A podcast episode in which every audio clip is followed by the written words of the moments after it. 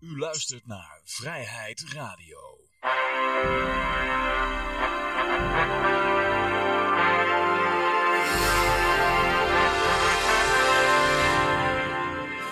Ja, dames en heren, jongens en meisjes. Dit is weer een nieuwe aflevering van Vrijheid Radio. Leuk dat u luistert. We zitten hier gezellig in uh, Café Libertaria. Met op dit moment uh, Peter en Jan-Mark. Wie weet schuiven er nog meer mensen aan. Je weet maar nooit. En uh, ja, goed. Yoshi is bij ons in de chat. Ja. Ja. Toch? Dus, Pensioneerde. Onze pensionade. Ik zal, zal, gelijk even reclame voor hem maken. Hij is nou 24 uur non-stop aan het streamen op zijn King uh, Conspiracy uh, kanaal. Dus Yoshi, zet je link maar even in de chat. Dat, dan weten mensen waar ze jou kunnen vinden. En uh, goed, ja. Uiteraard geven we ook weer e-guldens weg. Dus ja, ik zal even die e-gulden regen laten regenen. Daar heb ik ook weer een dingetje voor. maar ja, je kunt meedoen door uitroepteken Ron Paul in de chat te tikken. Um, ja, goed. Volgens mij kun je eigenlijk, als je alles in de chat tikt, hè, kun je... Wat je ook tikt, je doet gewoon altijd mee. Je doet gewoon mee, ja. Nou, hier is de regel. Hoppa. Hartstikke idee. Hadden we nog meer uh, nieuws eigenlijk? Uh, dingetjes die we nou even kunnen melden? 5, 5 november geloof ik een ALV van de LP. Ja. Waar? in Arnhem geloof ik. Of all places, oh. ja. Of ze mogen elkaar weer ontmoeten nu. ja, ja, ja, ja, ja. Het is rebellen zijn. Ja, misschien straks niet meer, hè, hey, trouwens. Oh ja. Het is weer een najaarsgolf, dus misschien dat uh, de A-level wordt wel afgelast dan. Hè? Ja. Ze, ze waren aan het evalueren, geloof ik, die, die OMT of zoiets, hoe ze ook mogen heten. Ja. Um, maar, even kijken. We gaan even naar de nieuwsberichten. Ik moet even wat... Uh... De Libertaire Partij staat bekend om zijn uh, volgzaamheid hè? en om zijn staatsgetrouwe attitude. Ja, als ze een uh, station gaan veroveren, dan gaan ze braaf een toegangskaartje kopen. Gaan ze eerst allemaal inchecken. ja. Hebben ze al een standpunt over wapenbezit? Want ik heb nooit meer iets teruggehoord van ze. Ze gingen er nog over nadenken. Ja, ik denk, nog steeds. Daar zijn ze nog niet over uitvergaderd kun je, misschien kun je wel een live verslagje maken van, uh, ga je er naartoe? Jij gaat er wel eens naartoe naar dat soort dingen, toch? De ALV en zo. Van de... Ja, want ik ben weer lid geworden. Oh. Dus uh, wie weet. Als, ja, als stembus, ik... stembriefverbrander. Stembiljetverbrander. Ja, ja, ja. ja. ja. ja ik, eh, ik wel lid van een politieke dus, partij, dat is wel grappig. Ja, ja, ja. Ik denk, ik geef ze maar weer een kansje, dus... Wat ze zeggen dan op zo'n ALV. Ja, ja, ja. Ik heb uh, iemand uitgenodigd, maar daar wil ik nog niks over zeggen. Ik weet niet of dat gaat, doorgaat, maar... Iemand uitgenodigd voor Vrij nee, Radio? Nee, nee, om daar uh, te spreken. Maar dat oh. hou ik nog allemaal even geheim. Dat, ik, ik, ik, weet, ik weet niet of ah, hij okay. dat wel of niet gaat doen ook, dus ja. Oh, nou, ja. leuk. Ook een, iemand wel lid van de Die LP? moest dan ook eerst lid worden een... van de LP, dus... oh, zo. Oké. Maar um, even kijken hoor. Ik, uh, laten we beginnen met uh, goud, zilver, bitcoin, staatsschuldmeter. oh, die hebben we dan niet, staatsschuldmeter. Um, ik heb hier olie. Uh, even naar beneden gegaan. Die staat 87,38 dollar per vat. Zoiets. Ik merk er bij de pomp niks van. Die naar beneden is gegaan. Nee, nee, ja, nee. Is, ja. Accijns wordt ook niet lager. Nee. Je ziet nou zo, nog steeds dat diesel zelfs duurder is dan benzine. Oké. Okay. Duurder. Diesel was 9 cent duurder, zag ik ze net. Van benzine. Je betaalt dus ook meer Ik lees daar nooit een verklaring over, hè? Het is al die tijd andersom. Ja, iemand heeft mij een keer gezegd van dat dat te maken heeft dat er een soort koppeling is met gasprijs. Maar hoe dat precies zit, weet ik niet. Of het waar is, weet ik ook niet. Maar ja. Diesel gaat in dezelfde generatoren waar... Uh, er zijn mensen die kopen een diesel, want die, ja goed, dan betaal je wat meer in de wegenbelasting. Maar dan als je veel kilometers oh, je maakt, kilometers. Of dan, uh, als je een kilometer vergeten bent, verdien je terug. Nou, uh, ik ken eentje, de, eentje de die heeft dat een half jaar geleden besloten. Van, Ai, ja, ja, ja. We moeten daar zoveel rijden voor de, de sport van onze kinderen. We ruilen onze benzineauto in van diesel. Want we rijden zoveel. Dat uh, verdienen we wel weer terug. Mm-hmm. Ja. ja. Nou, dan ken jij de wispelturigheid van de overheid nog niet. Hè? ja. goud is iets gezakt. die staat nu op oh, 1681 dollartjes. Dus ja. Ja, in een crisis gaan de assets naar beneden, zeggen ze soms wel eens. ja, nou, ja, zo... gingen, gingen ze nog omhoog. Dus uh, ja, is nog, nou, nog iemand die, die in edelmetalen zat, die zat op te scheppen van nou blij dat ik edelmetalen heb gekocht. Ja, nou ja, ik denk, ik denk dat de echte, de echte honger en zo en dat soort dingen en kou, ja. dat moet nog komen en dan, uh, ja, dan uiteindelijk verkopen ze hun moeder nog. Uh, voor een, uh, een, brood. Maar uh, ja, en, en ja, goed, als er bloed op de straat ligt, dan moet je, dan moet je die assets kopen. Ja, natuurlijk, COVID was ook een crisis. Maar ja, het is ook, het gaat... Er kwam al dat nepgeld, er kwam al die zit te wachten op dat nepgeld nou, hè. Die, het is wel leuk dat die centrale ja, bankiers, en, die, uh, die maar nou niet meer. geen ander dat het nepgeld dit keer niet komt. Ze zijn voet bij stuk, ze zijn keihard, ze zijn onverbiddelijk, ze gaan gewoon door tot het gaatje. Ah, nep, er, is wel, er gaat wel nepgeld ergens naartoe. Maar dat is misschien ook wel weer echt geld. Want je hebt nou bijvoorbeeld dat ze die energiebedrijven, die gaan ze steunen. Ja, die kunnen ze natuurlijk steunen met echt geld. Uh, van, van de belasting van... van belasting van de energie. ja. En ik kan me trouwens niet voorstellen dat die uh, energiebedrijven het nou zo slecht hebben. Van, uh, wat, uh, hoe verkopen die niks meer of zo? Of, of hebben, zit die te maken met langlopende... Ja, die hebben wel van die contracten waarschijnlijk. Bij, maar ik weet niet wie ze nu gaan steunen hoor. Dat is mij nog niet helemaal duidelijk. Maar, nee, maar je krijgt dan ook een roep om nationalisering, hè? Gelijk van en Duitsland is er al in genationaliseerd. Ja, ja, maar dan, in, één keer, in één keer komt er weer, uh, komen er weer SP'ers op, op de staatstelevisie. ja, dat vind ik wel heel verdacht. En die mogen dan uitleggen dat de uh, staat... Verdomde ja, ja, we moeten alles weer nationaliseren. Want je ziet, hè, de, de markt heeft gefaald, hè jongens. ja. De markt. Echt zo'n markt, hè. Opblazen van pipeline, altijd een markt. er was zelfs, ja. er schijnen zelfs van die socialisten te zijn die zeggen, ja, uh, dat, dat is door kapitalisme gedaan, die, die dingen op, opblazen, die pipeline. Want uh, die, die gasbedrijven in Amerika, die konden hun gas niet kwijt. En dan moesten ze extra markt creëren. Dat, hebben, dat hoor je vaak zeggen, dat, uh, dat uh, ook kolonialisme ontstaat omdat er markten nodig zijn. we hebben meer consumenten nodig, er zijn niet genoeg consumenten. Dus dan gaan ze maar op veroveringstocht om consumenten te veroveren. nou goed, ja, nou bitcoin. Dus je ziet het, één grote vlakke lijn, er is niet veel gebeurd. Ontzettend saai, het lijkt wel, het lijkt gewoon een stablecoin hè? Ja, ja, ja. ja, piel kut. Maar uh, Cardano, dat is een soort bloedbad of zo, hè? Oh, is hij omlaag gegaan? Ah, ja. Of zo? Ja, het was ja, daarvoor toch heel erg hoog gegaan. Oh ja. Ja, het swingt dan wel een beetje, toch? Ja, Cardano was even vanwege die rechtszaak volgens mij, waren ze omhoog gegaan heel erg een tijd geleden, maar... Uh, Ripple die is uh, omlaag gestegen. Oh, dat, misschien was dat Ripple, ja. Ripple. Ja, dat is vanwege de rechtszaak, ja. Uh, mensen die uh, voorzien een uitspraak. Uh, wordt nog wat in de chat gezegd door King Conspiracy? Dus als iemand wil kijken. kijken. Dan, Bitcoin stabieler, Bitcoin dan, dan, de, de hoorde ik laat. Ja, dat best wel ja, ja, inderdaad, dat zei iemand zelfs de Dow Jones was volantieler, volantieler dan de Bitcoin. Ja. Dus, kan gek lopen in het leven, ja.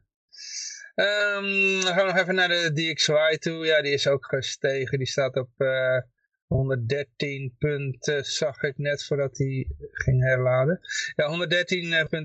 En uh, ja, langzaam maar zeker weer aan het stijgen. Uh, ik zag laatst zo'n Elliott Wave tekenaar die, uh, die, die voorzag een hele... Die, die zei de, de fifth wave moet nog komen.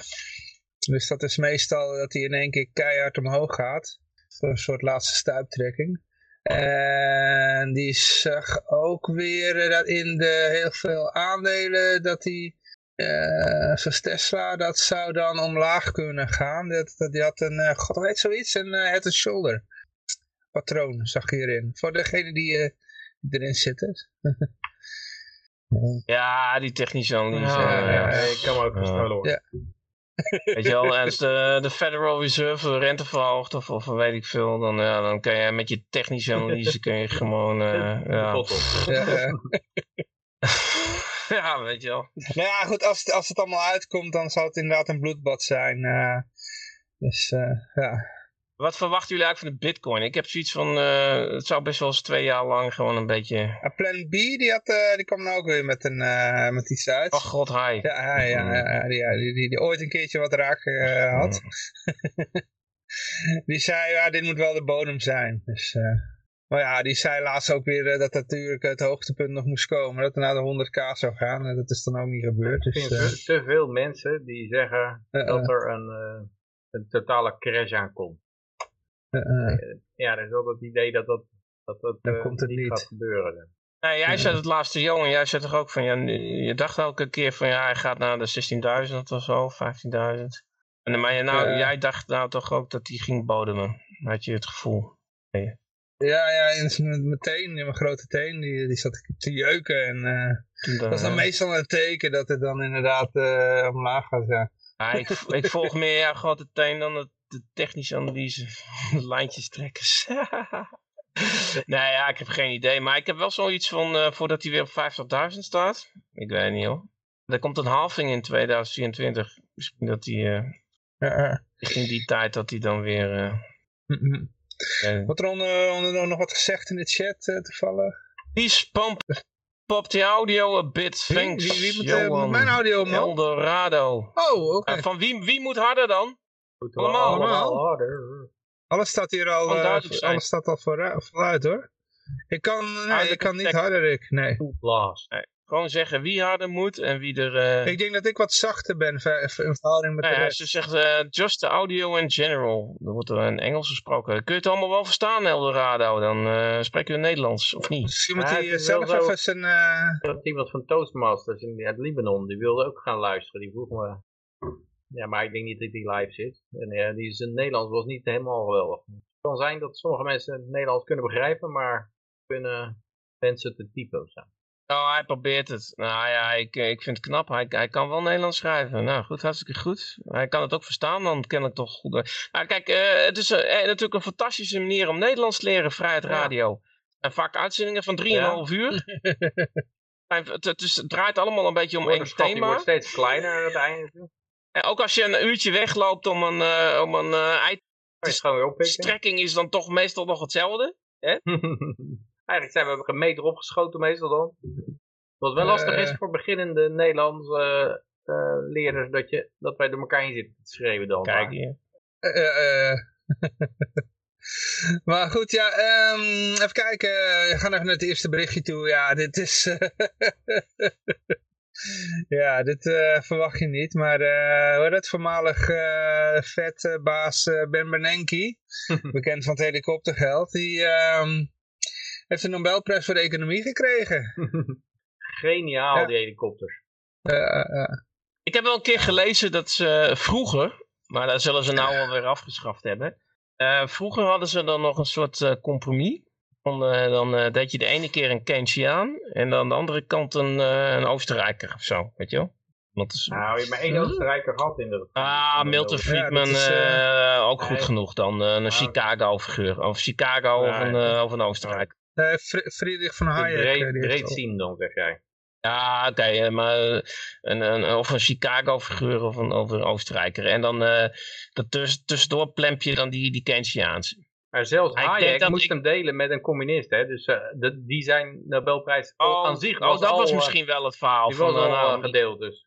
Volgens ja, mij doen ze ja, op misschien... een Keynesiaan. En als ze een keer in Oostenrijk school uh, gaf, dan deden ja. ze met een, met een rabiate socialist.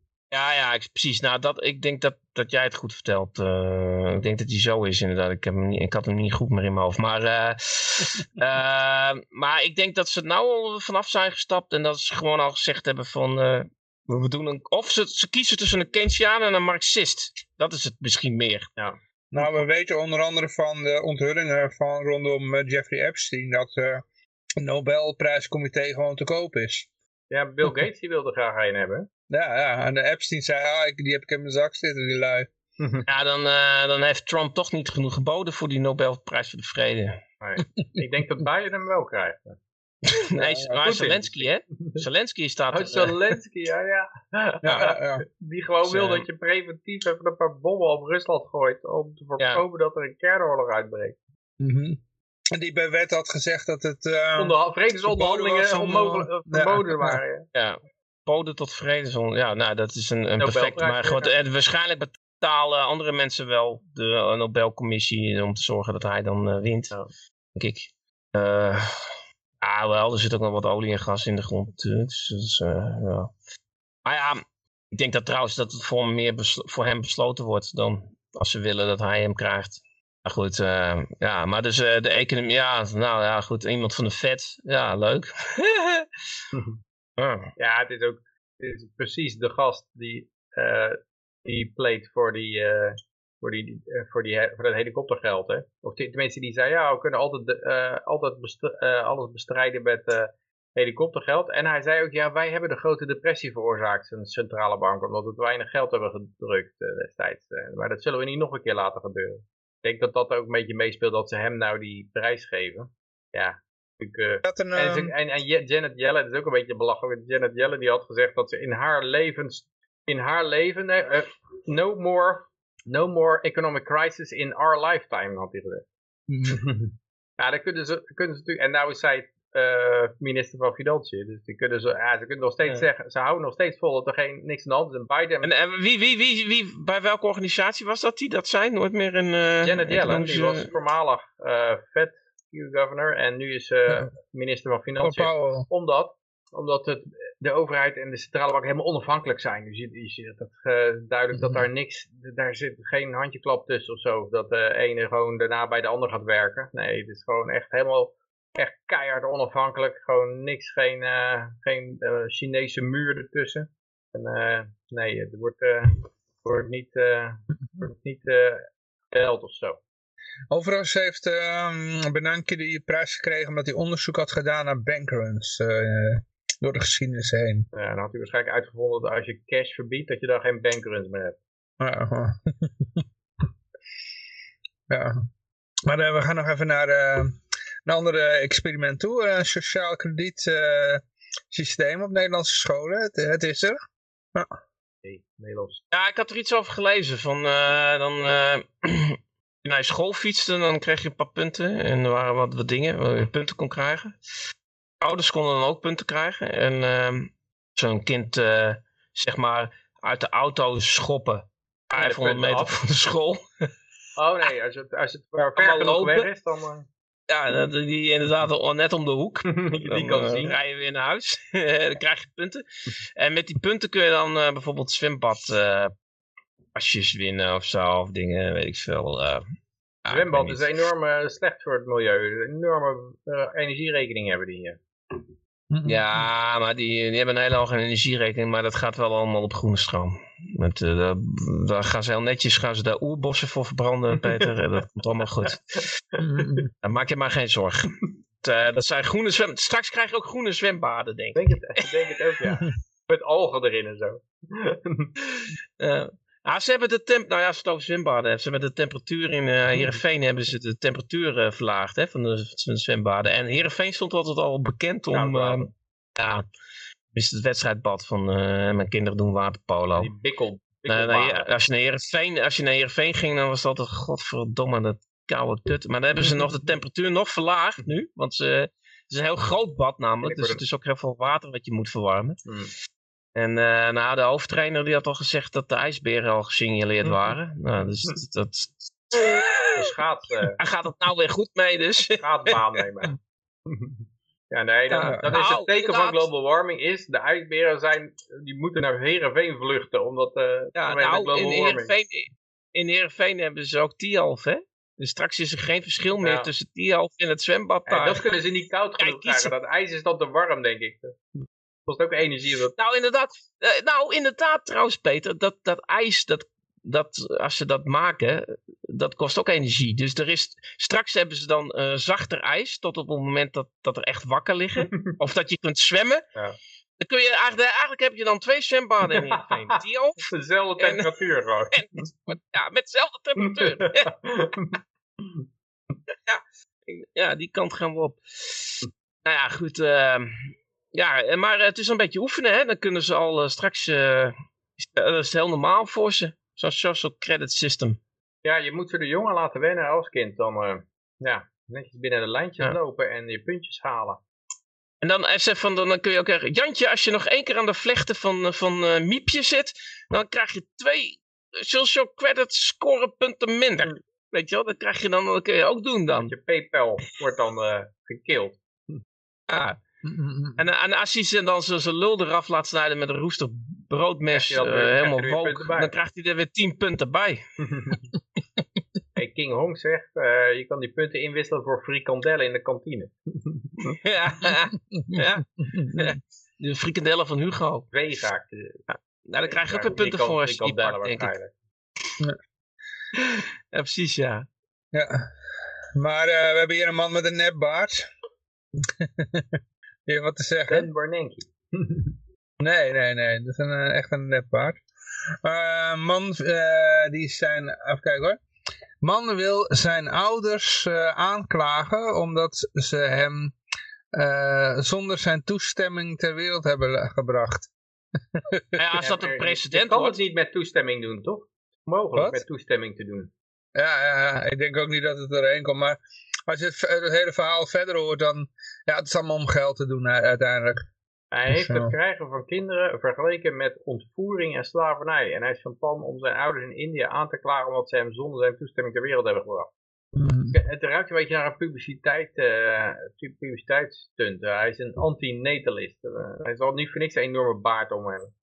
Ja, goed, ik weet niet of dat nog voorbij komt, maar dat, dat hele kinderen, dat, dat staat in een kwaad daglicht. Dus, uh, want... Uh, ja. ja. Ik had, ik had iets op Poppyland gezet, dat was de ASN-bank. Dat is een bank, had jullie dat gelezen? Mm Nou, dat, die hadden gezegd van, uh, moeten we nou niet dat ter discussie stellen, dat, dat, dat mensen meer dan één kind nemen? Dat, dat, want, en dan hadden ze gezegd, dat kost iets van 50.000 ton eeuw 2 of zo, een kind. Ik weet niet meer wat het precies is, maar een van bullshit verhaal. Maar dat, is een, dat vind ik ook grappig. Die banken, die zijn dus ook al... Uh, ja, dacht, je denkt gewoon bank, dat is, dat is gewoon, uh, breng je geld heen of hou het af of zo. Maar nee, nee die, die doen nou ook helemaal mee met... Uh... Heb je dat gehoord van PayPal? Hey? PayPal, die, ja, ja. PayPal die hadden een nieuwe voorwaarde waar je bij akkoord moest gaan. En die voorwaarde stond dat als jij je aan hate speech deed of misinformation, dan konden zij 2500 dollar van je rekening halen. En als het er niet op stond, dan was je het hun gewoon schuldig. Dan, uh, dan moest, je maar, moest je dat gaan verdienen om dat te betalen. En toen, uh, ja, waren, ja dus, uh, dat lijkt me linker soep.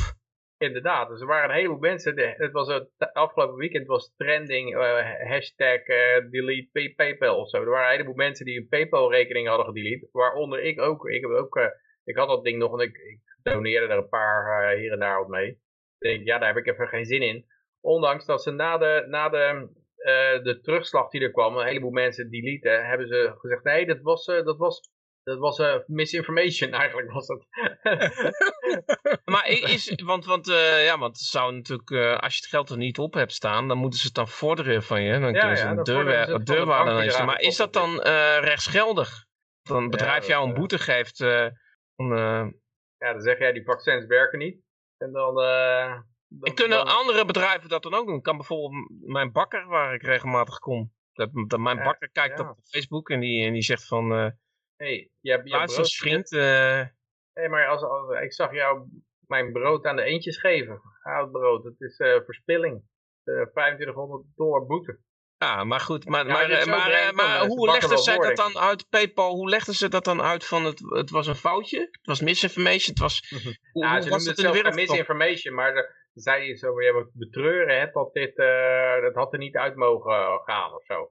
En uh, dat, was, uh, was nooit de bedoeling. Maar het is natuurlijk raar dat je misinformation beboet voor 2500 dollar en dan later beweert dat dat bericht misinformation was. maar, was die, ja, maar, maar was volgens hun die misinformation afkomstig bij hun eigen bedrijf of buiten hun eigen bedrijf? Dat bedoel ik. Ja, het kwam van hun eigen bedrijf af natuurlijk. Stond in hun voorwaarden. Stond in hun voorwaarden, Maar ik denk dat ze gewoon schrokken van de, van de backlash. Omdat iedereen dacht van ja, fuck, ik wil niet opeens 2500 dollar kwijt zijn. omdat ze zeggen dat iets misinformation is. Want alles is tegenwoordig misinformation. Ah. Dus uh, die begonnen allemaal een account En, en alles is ook hate speech. Dus jij zegt van, als, als, alleen mannen zwanger kunnen, uh, of alleen vrouwen zwanger mhm. kunnen uh, raken, dan, uh, dan is dat hate speech. Dus dan, alleen mannen kassa. misschien nog wel, ja. maar zou je gewoon niet verwachten dat mensen die je voorwaarden ook lezen? ja, maar er zijn er altijd een paar die die voorwaarden lezen. En, en die gaat het dan op Twitter zeggen van, hé, hey, moet je kijken wat erin staat. En dan... en iedereen gaat dit delen natuurlijk, want het is zo spectaculair. spectaculair dus, en, en de aandelenprijs die, die dook gelijk 6% omlaag. Dus ja, dan moet je wel een beetje terug, uh, terugkrabbelen. Maar ja, iedereen heeft toch het idee van ja, de, de cat is out of the bag. Hè? Want ja, het zal wel zijn dat je nou terugkrabbelt. Maar het is gewoon even omdat het bleek dat het een stapje te ver was. Ah, maar de vraag is dan van, uh, is er een connectie met de overheid die zegt van, goh, willen jullie dit doen? Dan krijgen we even een paar miljoen van ons en dan uh, ja, probeer dit eens even. Score, hè? Het is toch altijd die ESG-score, een bedrijf. Ja, maar, maar, maar, banken doen al dat soort dingen. Kijk, ze hebben al de, de rekening van uh, Blue Tiger hebben ze bevoren en van Willem Engel. Hm. Normaal gesproken, als je een compleet onafhankelijk bent, ga je geen klant, klantje pesten. Je gaat alleen maar klantje pesten als de overheid graag wil dat jij klantje gaat pesten die banken die zijn natuurlijk ja, gered door de overheid. hoe dat tegenwoordig gaat. Dat gaat nu meestal niet direct vanuit de overheid. Behalve dan bij Facebook komt de FBI op bezoek. Maar uh, meestal... Nou ja, banken zijn gered door de overheid. Dus die weten hoe afhankelijk ze zijn van de overheid. Ja, maar dat is de overheid dan een gaat in ieder geval dat het tegenwoordig via BlackRock gaat en dan de ESG-score. Dus uh, jij moet een hoge ESG-score e hebben om voor, voor pensioengeld van BlackRock in aanraking, aanmerking te komen. En dus ga Waar staat die afkorting voor? staat ESG, uh, Environmental Social Government. Uh, dus je, je, je, je milieu footprint en je social, uh, social zaken, dat zal wel hoe woke je bent of zo. En government is dat je niet... Uh, ja, dat je... En maar waarom wil BlackRock dat dan? Ja, ik denk dat... Toch een investerings... Ja, ja dat, daar zal uiteindelijk wel de overheid achter zitten, denk ik. Ja, want meestal is dat inderdaad zo dat, dat het in twee trapsraket gaat. Dan denk je van waarom wil Facebook nou dit soort links allemaal, uh, allemaal mensen allemaal bannen? Nou, dan zit daar inderdaad één stap verder zit de overheid dan verwijderd. Ja, ik denk wel dat dat, uh, ja, dat, dat, dat daarachter zit, ja. Hoewel, dit soort zeeloten, die zijn natuurlijk ook helemaal, die zellen alles in het dienst om op, op zo'n positie te komen in zijn organisatie. Je ziet het bij die meeste van die fondsen, Rockefeller Fonds is, of uh, al, die, al die fondsen, die zijn allemaal gecorrumpeerd door dit soort lui. Dus die, die glibberen zich heel makkelijk naar boven toe. Uh. Ze zijn ook niet altijd even eerlijk, denk ik, hoe ze, hoe ze, dat, hoe ze zichzelf Ik denk dat Black, BlackRock krijgt natuurlijk ook een hele bak uh, doekoe van, van de Fed natuurlijk, hè? Zou best kunnen, ja, dat je... en dat gaat ook maar met allemaal voorwaarden, dus... Er zit ergens een, een, zoiets achter natuurlijk, want het is niet zo dat mensen spontaan alleen maar gaan beleggen in ESG-bedrijf of zo. En dat BlackRock zich dan maar daaraan gaat houden. En ze willen ook een ESG-score voor jouw persoonlijke beleggingsportefeuille gaan doen.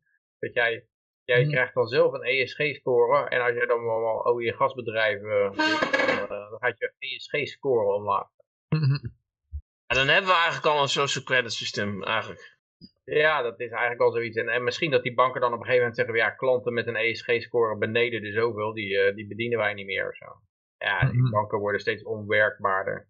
ik denk wel dat het allemaal nog veel erger wordt, weet je wel. Het begint toch altijd met, uh, met mensen als Willem Engel en uh, Rieke ja. en met Blue Tiger en Tom Switzer. Dan kruipt het langzaam. Nou is die, die uh, Peter McCullough, die, dat is een cardioloog, echt een ontzettende cv heeft hij, weet ik niet hoeveel papers gepubliceerd, uh, ontzettende medische carrière, want die is daar van Twitter gegooid vanwege misinformation over vaccins. Hij is niet zo enthousiast over die vaccins, omdat het veel hartproblemen geeft. En uh, ja, die, uh, die zijn ook van Twitter afgegooid. Dus ze gooien nou gewoon hartchirurgen van Twitter af voor medical misinformation. er zit een of andere, een of andere woke stagiaire bij Twitter die met blue haar, blue hair en die beslist dat zo. Ja. Ik kan me ook zo voorstellen dat op een gegeven moment zeggen van... Uh, dat mensen bijvoorbeeld in een uitkering die dan uh, een baan moeten vinden. En die gaan nogal keren op Facebook of zo. Ja.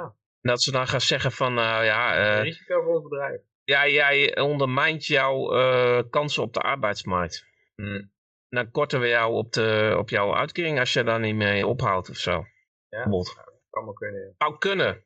En niet, heel een beetje...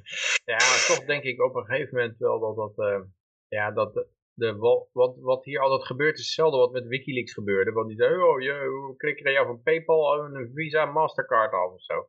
Nou, dan gaan we maar in de bitcoin. En dan zie je dat, dat steeds, omdat er steeds meer mensen komen die dan afgeknikkerd worden. En die moeten ook allemaal in de bitcoin gaan. Blijkt dat als jij er als eerste afgeknikkerd bent, dat jij heel goed, uh, dat heel goed doet eigenlijk. Omdat je dan als eerste in, dat, in de alternatieven zit. Ah, het kan ook zijn dat ze het misschien meer als een stokkracht... De, weet je wel, bijvoorbeeld wat ze in China bijvoorbeeld hebben gedaan met die... Uh, toen ze bang waren voor een bankrun. Dat ze toen uh, al die mensen die richting de bank gingen, dat ze die toen... een code op rood zetten. Ja, dan zetten ze die code op rood, konden niet, ja, konden niet meer reizen. Die konden een verhaal niet meer halen bij, bij de bank of geen geld.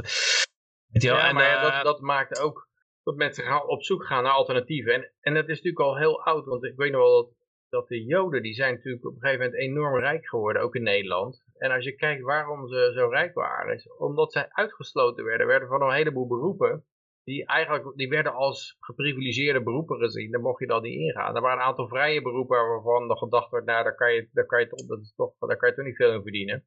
Maar daar, daar zijn ze rijk, ontzettend rijk mee Ze moesten handel in. Ja, ze moesten oh, in sommige landen mochten ze helemaal niks bezitten. Mochten ze geen, uh, geen land, landgoed uh, bezitten. Ja, gingen ze de handel in. Het nou, dan werden ze daar rijk in. Dat soort nadelen dan vaak een voordeel wordt later. Dat, uh, om, omdat, omdat het nadeel zich uitbreidt naar steeds veel meer, meer mensen. En dan krijg je een toevloed naar... Ja goed, het is natuurlijk niet al die joden werden dan ontzettend nee, rijk. Nee, natuurlijk niet. Nee, maar die, die lui die dan uh, vingerspitsing hadden voor, voor die handel wel natuurlijk, maar... Uh... Maar je, kan daar, je zou er zelf van kunnen, van kunnen leren van, nou ja, als je ergens wordt weggejaagd, dan kan je eigenlijk maar best snel eruit geknikkerd worden en dan naar een eilandje vluchten waar, uh, waar je nog wel ehm, toegestaan bent. En dan, we nemen bijvoorbeeld de mensen die, die, die naar Puerto Rico gingen in Amerika. Dus Amerika enorme belastingtarieven. Maar in Puerto Rico kon je dan met, uh, had je maar 4% of zo. Je kon het tot bijna nul reduceren. Dus er zijn een aantal mensen die gingen, gingen naar Puerto Rico toe. Die kochten daar een dikke villa. Die prijzen die gingen helemaal door het dak heen van die villa's. En toen kwamen steeds meer mensen kwamen naartoe. Die zeiden, ja, nou, ik heb het helemaal gehad met die, uh, met die belastingen. Ik ga lekker in Puerto Rico wonen. Dus als je dan vroeg bent, dan, dan, uh, ja, dan maak je ook nog enorme winst op je investeringen. En je moet nu naar Hongarije. Ja, het zou best kunnen, ja. ja. ja. Of naar uh, Noordoost, wat was het, Noordwest-Spanje? Ja. ja ik denk dat dat, ja, dat dat wel een algemene regel is. Ik heb wel eens vaker zitten verbazen over, ja, als je kijkt naar het Britse Empire, op een gegeven moment begint zoiets in te storten. Waar kan je nou het best zitten? En daar kan je eigenlijk het best in de soort periferie zitten die een beetje, beetje genegeerd wordt. Hongkong, dat was een was een eh, kolonie die een beetje ver weg zat. En uh, die werd, werd niet uh, strak aan de teugels gehouden door dat imploderende empire. En dan heb je daar relatief veel vrijheid. de andere is de Cayman-eilanden, de Bahama's en zo. Dat soort ver weg eilandjes die ooit onder het Brits bestuur vielen. Maar die dan, ja, die dan daaruit uit los kunnen omdat het empire implodeert, maar die dan wel meer vrijheid krijgen en nog steeds niet veroverd worden door iets anders. Zeg maar. Ze worden niet zo snel geabsorbeerd door iets nieuws, omdat ze nog steeds zeg maar, formeel onderdeel zijn van het Britse empire, ondanks dat het helemaal aan het verzakken is.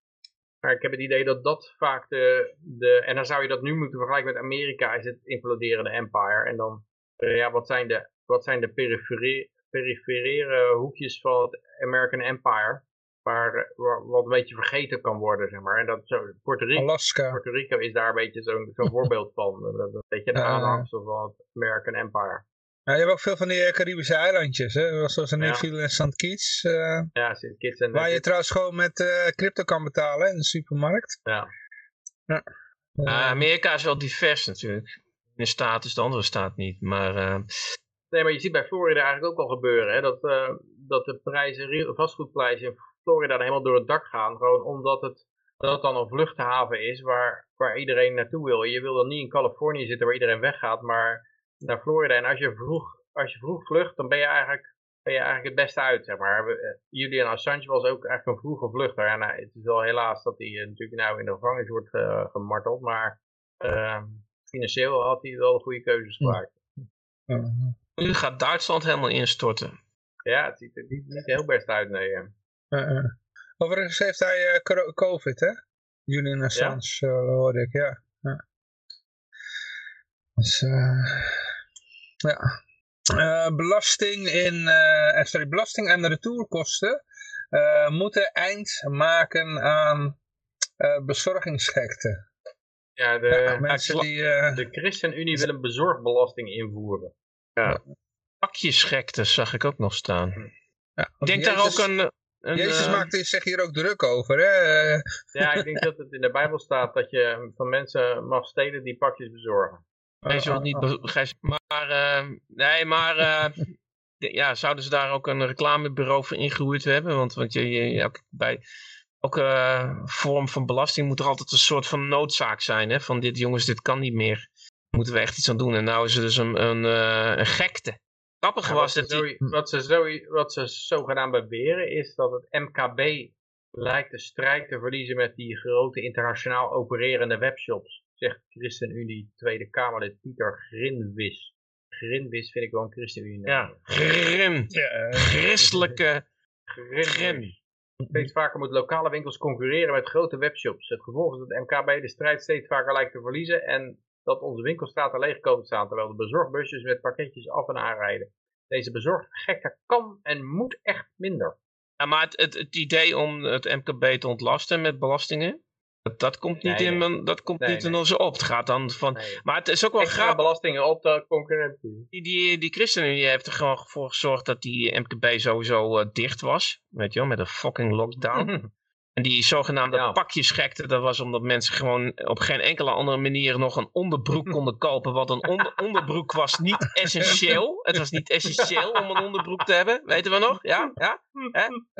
De ChristenUnie vond het niet essentieel genoeg dat je een onderbroek kon kopen bij de HEMA. Dus dan moest je een pakje. En moest je zelfs je fucking onderbroek moest je er nog wel bestellen. Maar weet ik van wat. Ja, dus die hele pakjes gekte, zoals ze dat noemen, hebben ze zelf gecreëerd. En, en toen hoorde ik ze niet over het MKB. Nee, dat was helemaal niet zielig. Ja, nu kunnen ze een tozels terugbetalen. En, uh, maar ja, het is elke keer weer hetzelfde. Van, uh, ja, oh, ze zijn, uh, maar het is altijd, nou, nu, nu, nu zijn ze zo zielig. Dan gaan we nou de concurrent gaan we belasten. Ja, weet je wel? Hey, heb het al vaker gezegd en geschreven. Bedrijven als Zalando en Picnic brengen een hoop ellende met zich mee. Zeggen, veel ellende zit erachter.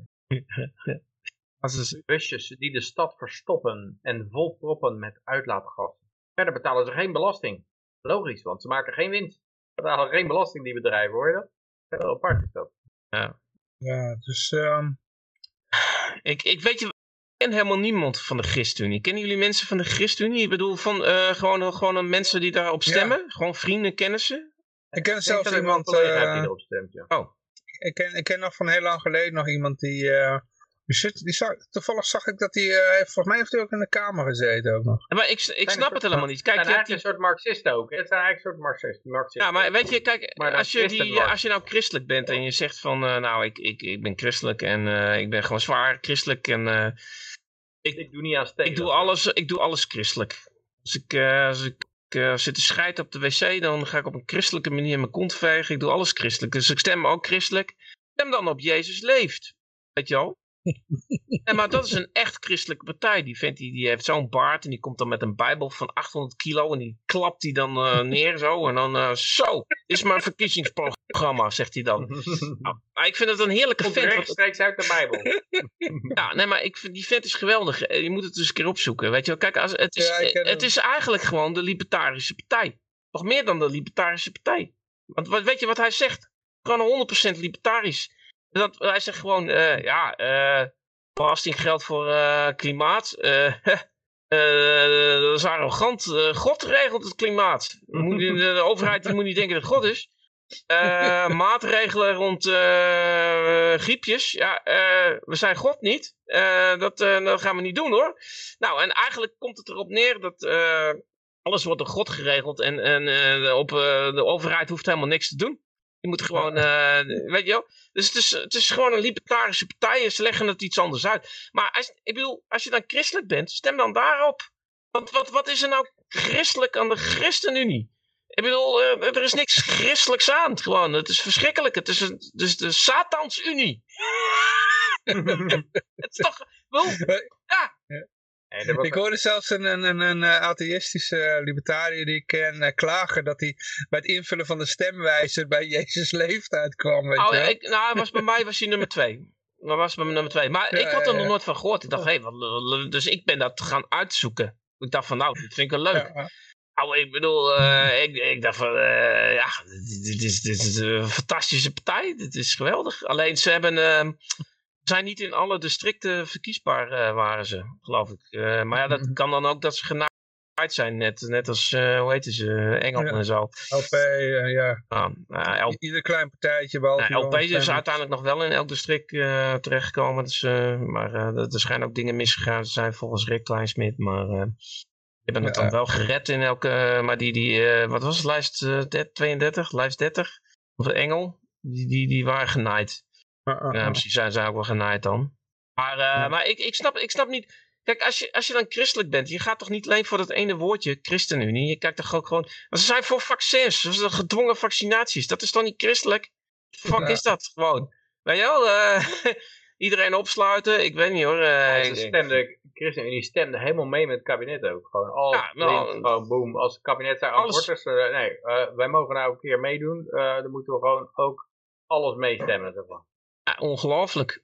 Ja. Maar ik denk dat we ook een beetje de, hetzelfde hebben wat, wat je ook een beetje bij de LP... kerken dicht. De, hebben ze ook de kerken dicht. Ja, ja, ja. Hoe kan je nou, hoe kan je nou christelijk zijn op een partij gaan stemmen die, die de kerken dicht wil hebben? What the fuck? Nou, dat is toch is voor het algemeen belang, hè?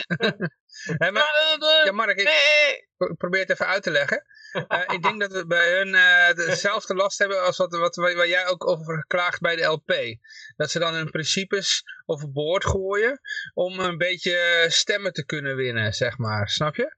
Jawel, maar die christenen, die hebben nog... Kijk, ik heb alleen de LP. Of ik moet mijn stembiljet verbranden. Dus ik heb twee opties. Mm -hmm. Maar die christenen, die hebben gewoon... Ja, ik heb Jezus leeft. nou, ik, ik, zit ook redelijk goed. Maar, uh, maar die christenen, die kunnen dus SGP stemmen. Ze kunnen Jezus leeft stemmen.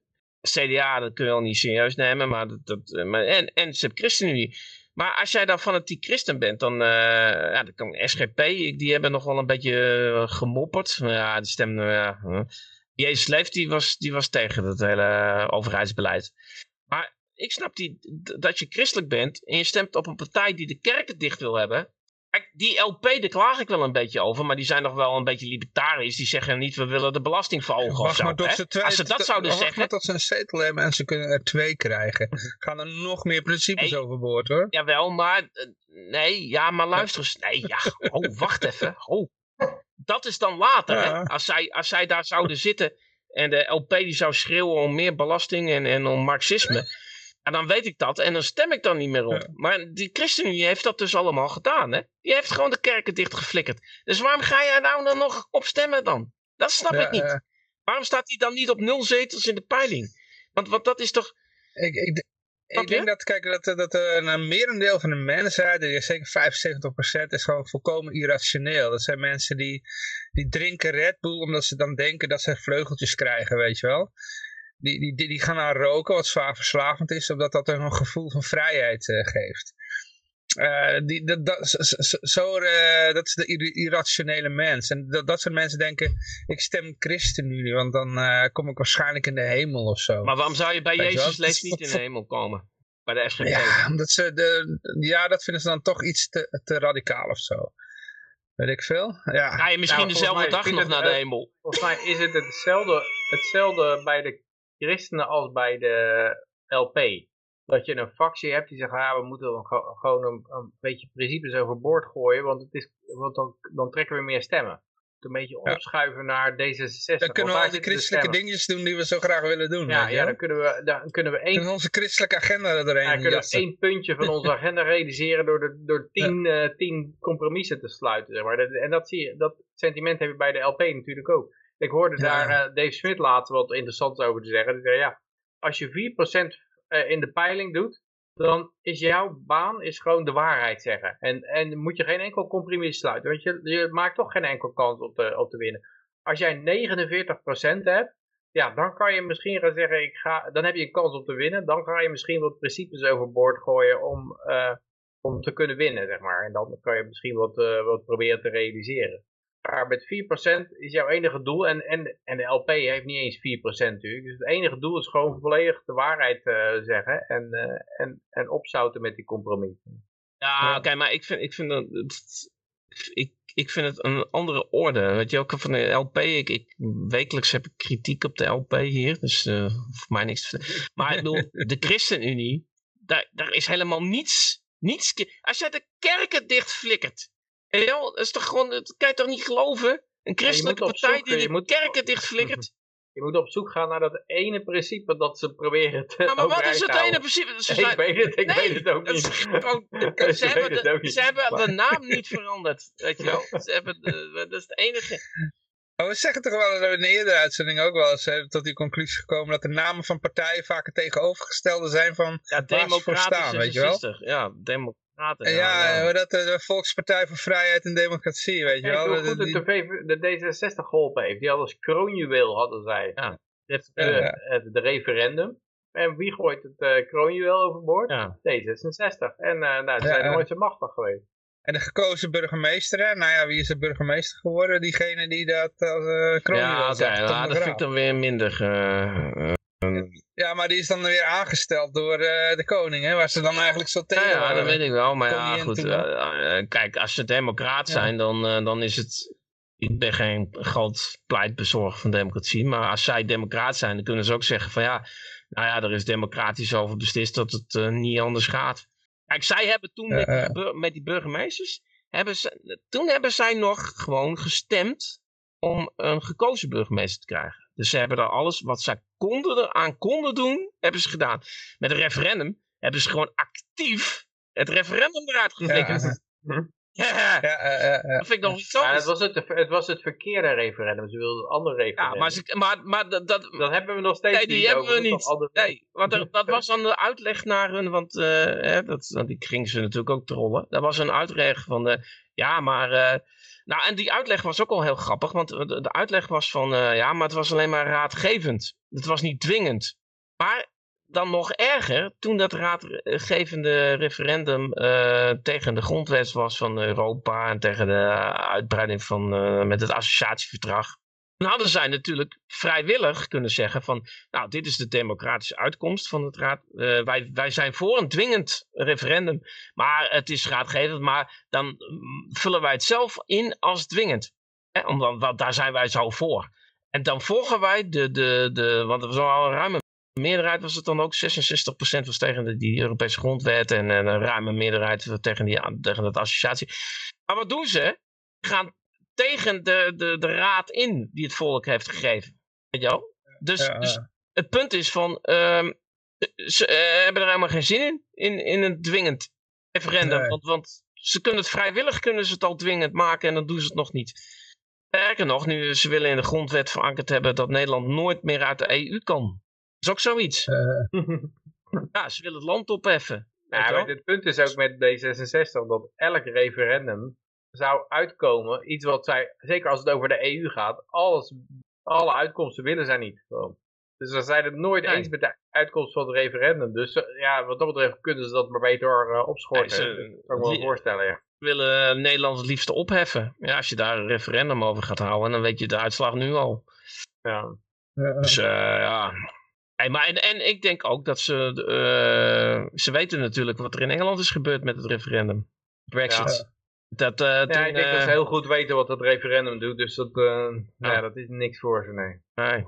Goed, jullie kennen dus, dus wel ChristenUnie-stemmers, dus ja, nou, ik bedoel... Als nou, ik weet niet zeker, maar ik, ja, ik kan navragen voor je, maar ik denk dat ik een collega heb die...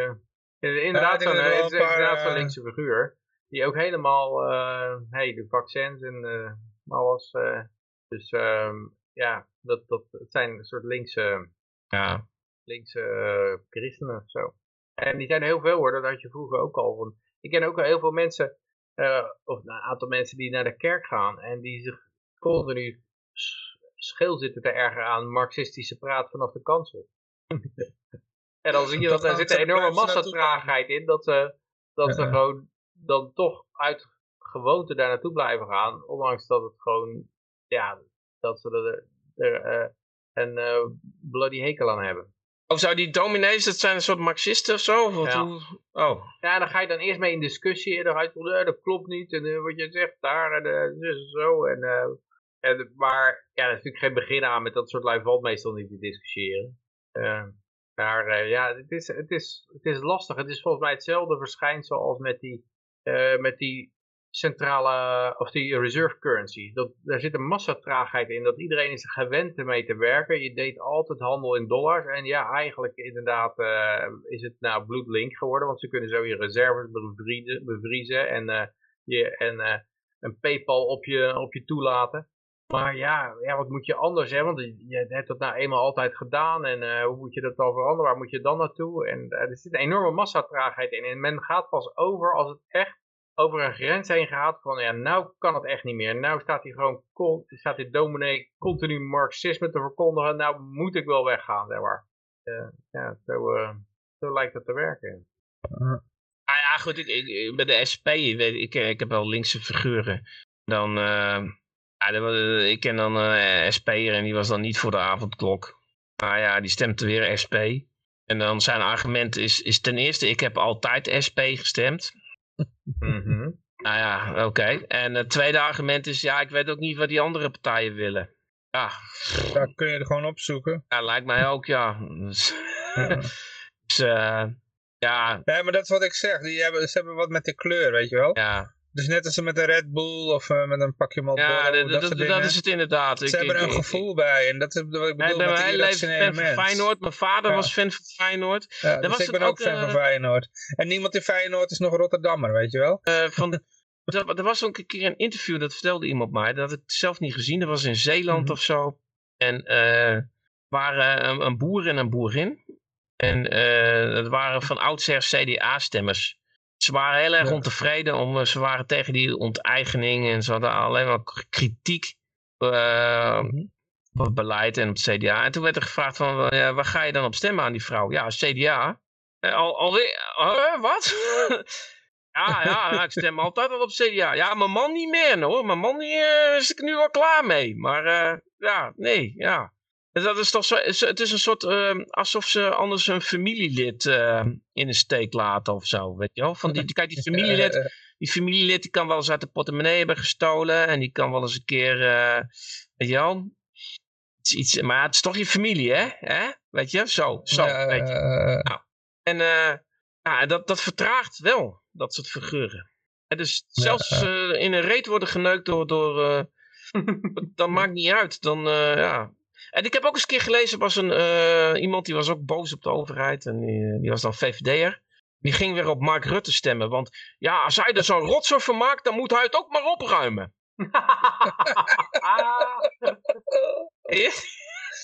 hmm. uh, en dat zal hem leren. Uh, maar we hebben hier een man die heeft ruim ja, 2000 bierflesjes in zijn huis. Uh, maar hij uh, kan daar niet mee, hij kan ze niet inleveren. Nee.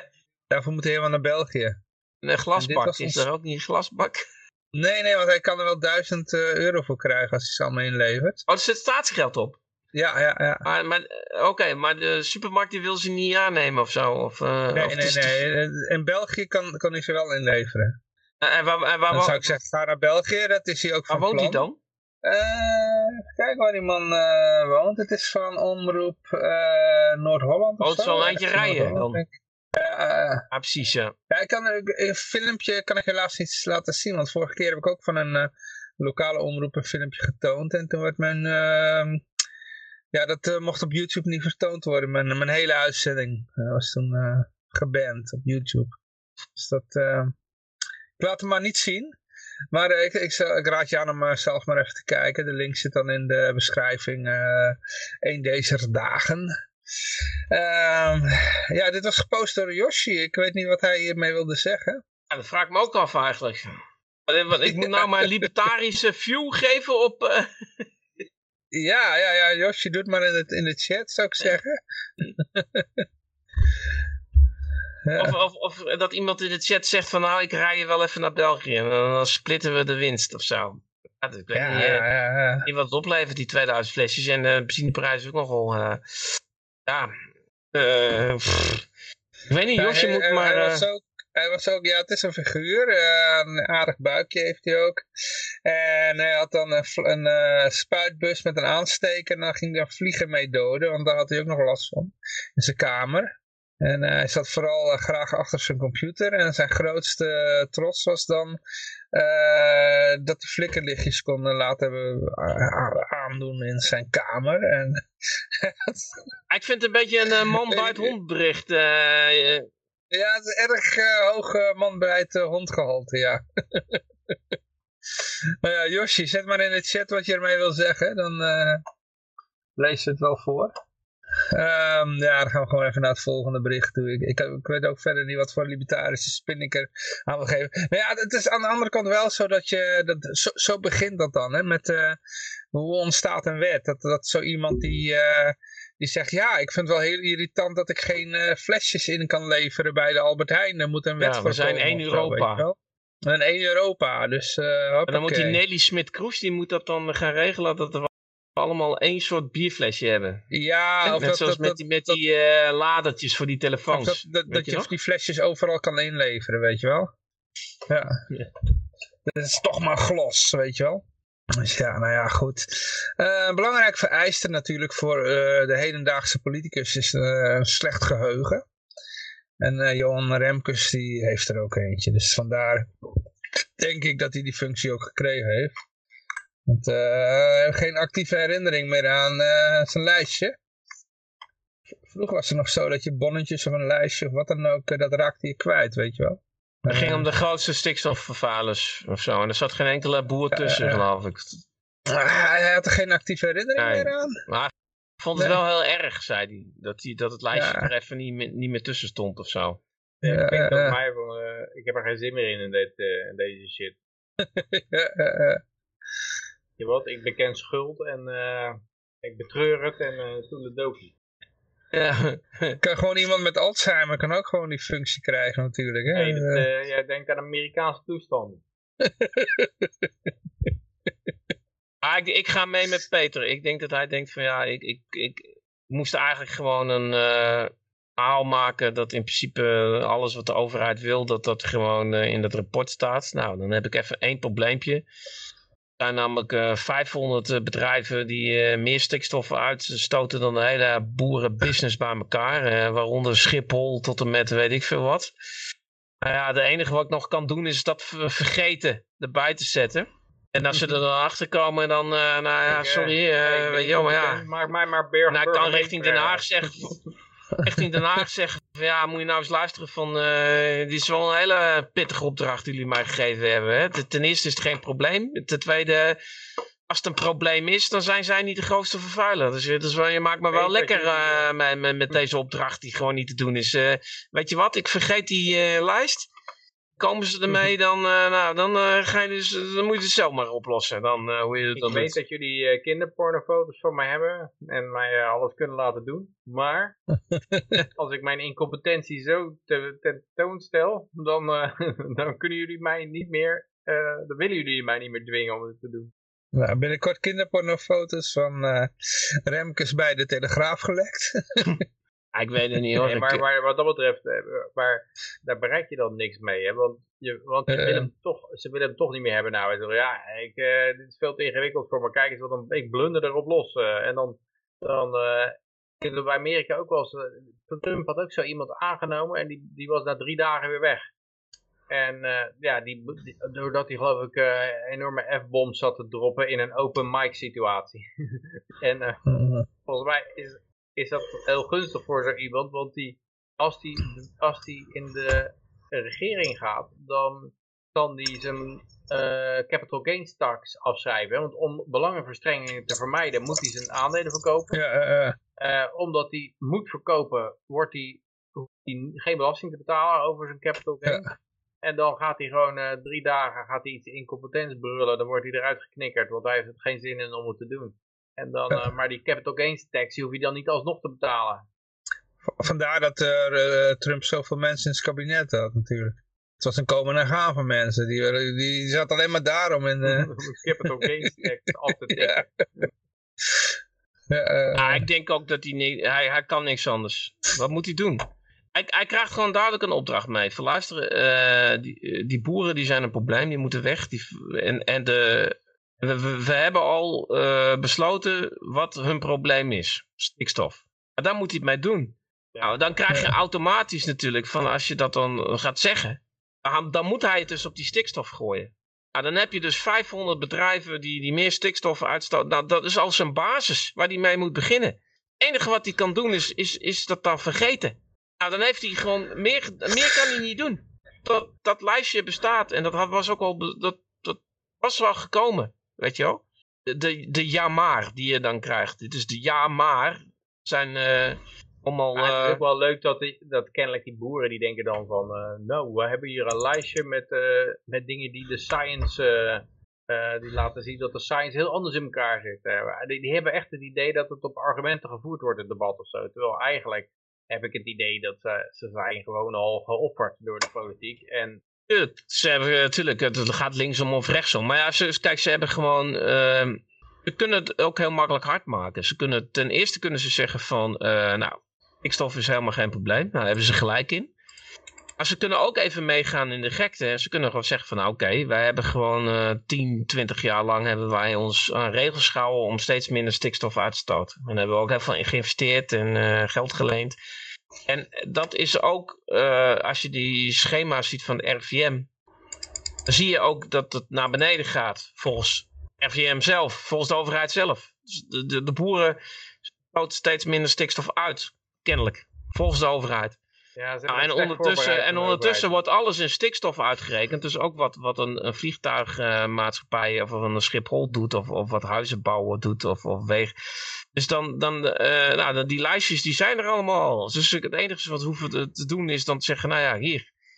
Wij zijn niet de grootste vervuiler als je het al zo wil noemen. Dus we kunnen, kunnen gewoon heel duidelijk maken van, ja, oké, uh, we weten wel uh, dat het niet om stikstof gaat. En ehm, jullie allemaal alles bij elkaar liggen. En, en, en, het, en, het, en het groot deel van het volk weet het ook wel. En iemand ja, post nog wat in de chat. Van, wie, wie, had het ook weer gezegd? Van uh, they lie to us. We know, we know they lie to us. They know, we know, they lie to us. Uh, we know, they ja. know, we know, they know, they lie to us. But still they lie to us. Ja, dat is ook de grootste vorm van macht, denk ik. Dan, als, uh, als je dat voor elkaar krijgt. Ja. Want, want dan, uh, dan weet je van, oké, okay, we hebben gelogen. En zij weten ook dat wij liegen. En we weten allemaal van elkaar dat wij liegen. Maar we hebben zoveel macht, dat het, het maakt helemaal niet uit. We kunnen, we kunnen jullie toch nog gewoon, we kunnen toch er doorheen drammen. Ook al, uh, ja. dus we, we, komen daar, we komen daarmee weg. Dat maakt helemaal niet uit. Ja. Ja, dan, hebben, dan hebben we toch gelogen. Uh, dat, uh, die Rutte doet het al tien jaar. Die, uh, die zegt, nou ja, oh, oh, heb, ik dat heb ik dat gezegd? Oh, dat weet ik allemaal niet meer, joh. Oh, sms'jes heb ik allemaal vernietigd, joh. is dat tegen de wet? Oh, oh, nou, oh ja. En daarna vernietigt hij nog meer sms'en en dan gaan er nog meer WOF-verzoeken. Er gaat een streep doorheen. En, of die worden niet uitgeleverd. En als ze uitgeleverd worden, is de helft doorgekrast. Ja, dat mag niet. Oh, mag het niet? Oh, oh, nou ja, mag niet. Maar we blijven gewoon zitten. Maakt gereed uit. En doet volgende keer weer. Ja, dat... ja, en wat ga jij dan doen? Wat ga jij dan doen? Ja, oh niks dus. Oh, oh nou, wel mooi. Dus nou, mooi. Dan blijven wij zitten en dan gaan wij gewoon door met... met ja. Uh... ik zag laatst ja, zo'n nou. zo uh, ja, een stukje van een of andere maffia uh, aflevering. En dan zie je ook een paar van die maffia figuren bij elkaar staan. En één is er dan een enorme pikkel, zeg maar. Die, die komt ook een keer met andere maffia gasten en die pakt, die pakt zo'n metalen staaf. En dan zegt hij zo van... Wat is dat nou weer? Metalen staaf. Coming to a gunfight. I'm gonna do a fucking shootout. You coming with this? en uh, en uh, dan weigert hij daarbij in, in strijd te gaan. Omdat het en, en dat is dus een enorme bikkel. En, en dan zie je later een scène. En dan staat hij erbij, uh, zo'n andere maffiabaas. Eh, tegen hem, ook diezelfde figuur. Ja, wij hebben zin in meisjes, uh, prostituees allemaal te regelen. En dan zegt die vent. Ja, ik val meer op kleine jongetjes. En dan zie je, zie je ze allemaal zo, zo aarzelen van wat zegt hij nou hoor? En uh, ja, ik heb er wel eentje in Tunesië een keer helemaal, uh, ja, die was er wel behoorlijk slecht toe achteraf. Uh. En dan zie je, zie je ze zo naar elkaar kijken van, ja shit, hij heeft wel ontzettend veel eens van, nou, dat vind ik enorm knap dat je dat gewoon toegeeft, dat je er wel weer uitkomt zo. En als, in, in die scène zie je heel duidelijk dat, dat die vent, die heeft kennelijk zoveel macht, of die zo angstaanjagend, dat niemand er tegenin durft te gaan. En dat is eigenlijk wat er in politiek continu gebeurt. Uh, It's better to be feared than to be ja. loved, hè? Ja. Maar uh, er is iemand in de chat die zegt nog wat. Uh... Wauw, viewers, followers en primes on mountainviewers.com. Oh, god, het is een spammer. Oké, okay, nou ja, goed, uh, niks gezegd. Um, ja, ja dit, dit, is trouwens ook, uh, je kunt nog even mee verder gaan. Um, uh, even kijken hoor. Um, dit gaat over het OM. Oké, okay. tientallen oude, ouderen niet uitge...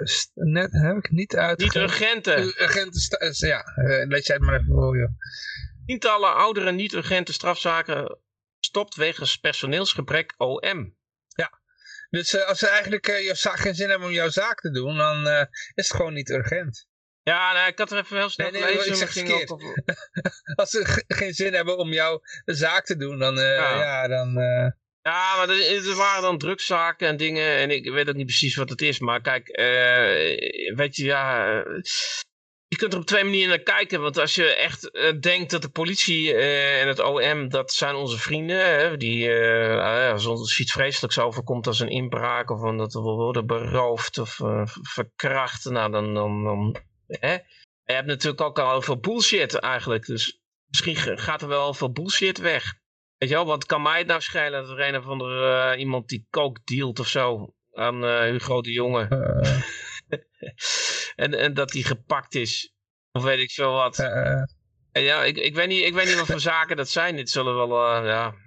Nou, ik denk dat het ook niet uitmaakt. Maar ze verklaren jouw zaak gewoon als niet urgent. En dan uh, komt het, uh, ja, dan wordt het uiteindelijk door de memory hole Ja, maar dat komt, dat komt omdat ze de laatste 2,5 jaar zoveel veel bullshit hebben gedaan of zo misschien. Dan.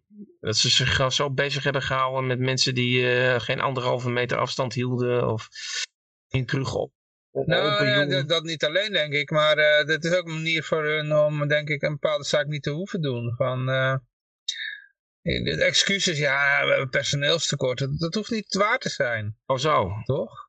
Ja. ja het kan ook een roep dus, zijn om meer uh, personeel, meer geld. We moeten geen meer geld naar ons. Ja, Prinsjesdag is al geweest. Oh, dus dat, okay, nee, als het in augustus was, ja, dan zou ik dat ah, zeggen. Ja, maar... ja. precies. ik denk dit gewoon een manier is om gewoon uh, zaken niet te hoeven doen waar ze geen zin in hebben. Dan uh, ja, uh, personeelsgebrek en ja, dan wordt het gewoon een laadje, in het onderste laadje gegooid. En dan als het dan weer naar boven komt, dan oh shit, hebben we geen zin in. Huppa, weer in het onderste laadje, weet je wel. Nou ja, wat anders, ja, Prinsjesdag is geweest. Anders zou je natuurlijk kunnen hopen op een soort ehm, verontwaardiging bij het publiek. Van, uh, van Dorië, dat is wel nodig en er moet meer geld naartoe. Ja, ja, maar er wordt hier gewoon gezegd dat er, dat er niet urgente... Oh, is toch niet belangrijk, het zijn allemaal niet urgente zaken. Nee, nee, nee. Maar ja, het kan gewoon om iemands livelihood zijn, weet je wel. Geen idee. Uh, kijk, de, de, nou ja, het geval met Van, van Manders, dat duurt dan zeven jaar, weet je wel, zo'n zaak. Uh, weet je wel. Het, Ondertussen kan je uh, je werk ja, niet zo. Ja, Ja. Dus ja, het is gewoon expres uh, de boel rekken. En nu kunnen ze dus kennelijk zo lang rekken dat ze het uiteindelijk niet meer hoeven te doen. Mm -hmm. dus ja, sorry, het is kennelijk niet belangrijk. Uh, want anders was het wel behandeld. Toch? Ja. Ik weet niet of Peter er nog wat over wil zeggen. Ja, ik word even afgeleid.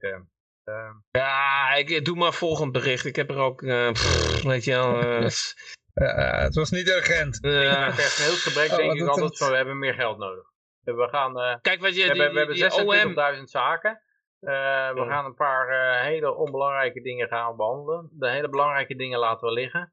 En dan zeggen we, we hebben meer budget nodig. En dat is ook, dat is ook wat de scholen altijd doen. Dan, dan gaan ze ze meer geld hebben, dan, uh, dan kan opeens het toilet niet meer schoongemaakt worden of zo. Dan... Ja, maar Johan zegt omdat Prinsjesdag uh, geweest is, dat die gelooft dat niet. En die hadden ze het voor Prinsjesdag gedaan, zegt Johan. Ah, uh, hier heb ik een, een error. Ik... Oh jee, AFVD is weer aan het werk. Nee, nee, nee. Oh, ik denk dat die, die, die um, waar het zeg maar gepost was, dat die de link veranderd ah, hebben. Zo. maar het ging over uh, Californië um, bestrijdt inflatie met uh, helikoptergeld. Het gaat over die zaak dat ze... Uh, ja, er worden weer, uh, om, om, omdat mensen zeg maar de, door de hoge inflatie zeg maar de uh, boodschappen niet kunnen betalen. krijgen ze een extra steuntje in de rug. Dat is die inflatiebonus. dat is niet alleen uh, daar aan de gang. In Californië, uh, uh. maar in Duitsland willen ze vergoedingen gaan doen voor, in Engeland, ik hoorde in Frankrijk gaan ze met geld strooien om de gevolgen van inflatie tegen te gaan. Kijk, als je decennia lang gewend bent, ik ga met geld strooien om, om een probleem op te lossen, dan, dan is het volgende probleem van inflatie, daar ga je ook gewoon oplossen door met geld tegenaan te gooien. Uh, ja, degene die dat bedenkt, die geeft je een Nobelprijs. ja. Inderdaad, ja, dat cirkeltje weer rond. En ik, ik durf nooit te zeggen van, weten ze het nou, dat het nergens op slaat, of ja, denken ze van ja, het is natuurlijk al vele keren in de geschiedenis gebeurd, dit soort dingen. En prijscontroles die daarna komen ook altijd. De Verenigde Naties die vroegen ook al van stop met geld verkrappen, begin met geld, met bestrijdt de inflatie door maxi prijsplafond.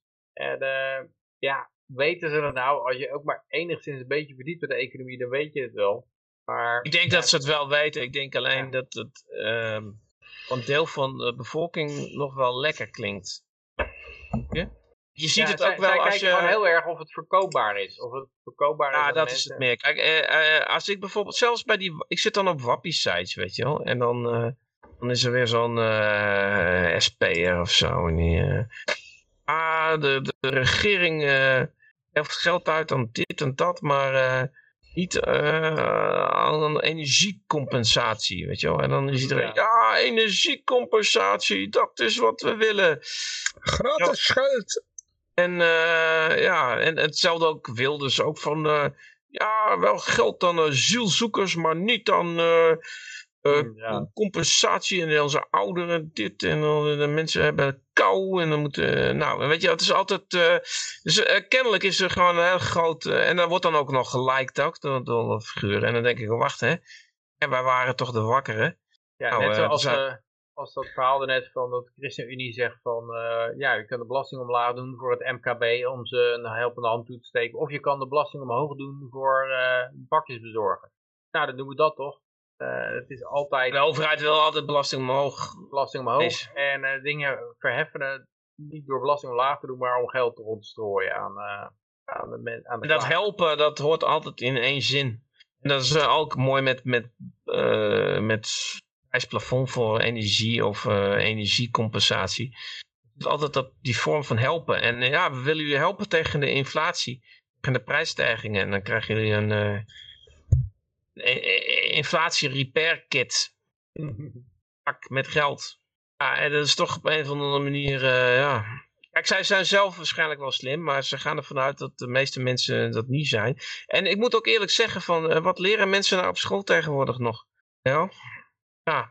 ja dit zou, zou je zeker niet leren, maar ik, ja, ik heb ook het idee, dit, dit soort dingen heeft met kennis niet zoveel te maken. Ik weet ook dat... Uh, dat uh, Stefan Molyneux dat ooit zei. Die zei, maar ja, kijk, uh, dat, dat er nog steeds mensen te dik zijn, dat komt niet door een gebrek aan kennis. Het is niet zo dat, dat als je die mensen vertelt van, ja, jij bent te dik omdat je te veel eet, dat die mensen zeggen, oh mijn god, dat heeft nooit iemand mij verteld. Dat hebben echt, uh, dit is echt voor de eerste keer dat ik dat hoor.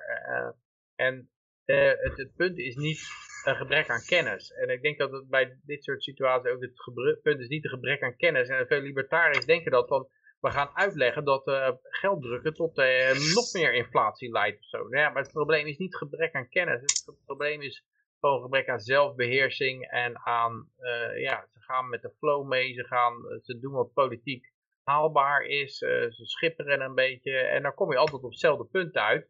En ja, dat, dat, dat, dat hangt niet van kennis af. Dus je, je komt er niet met meer kennis verspreiden en nog een boekje schrijven over de Oostenrijkse school, hoe die werkt. Nou ja, maar die overheid, uh, want, uh, want je hebt de kennis bij het volk. En kijk, die overheid is, is alleen maar blij dat ze meer controle krijgen.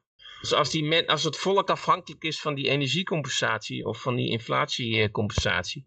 Nou, lekkerder kan het niet. Want dan, uh, ja, dan wat ze hopen, dat, dat iedereen gaat schreeuwen om een nog hogere energiecompensatie of een nog hogere inflatiecompensatie.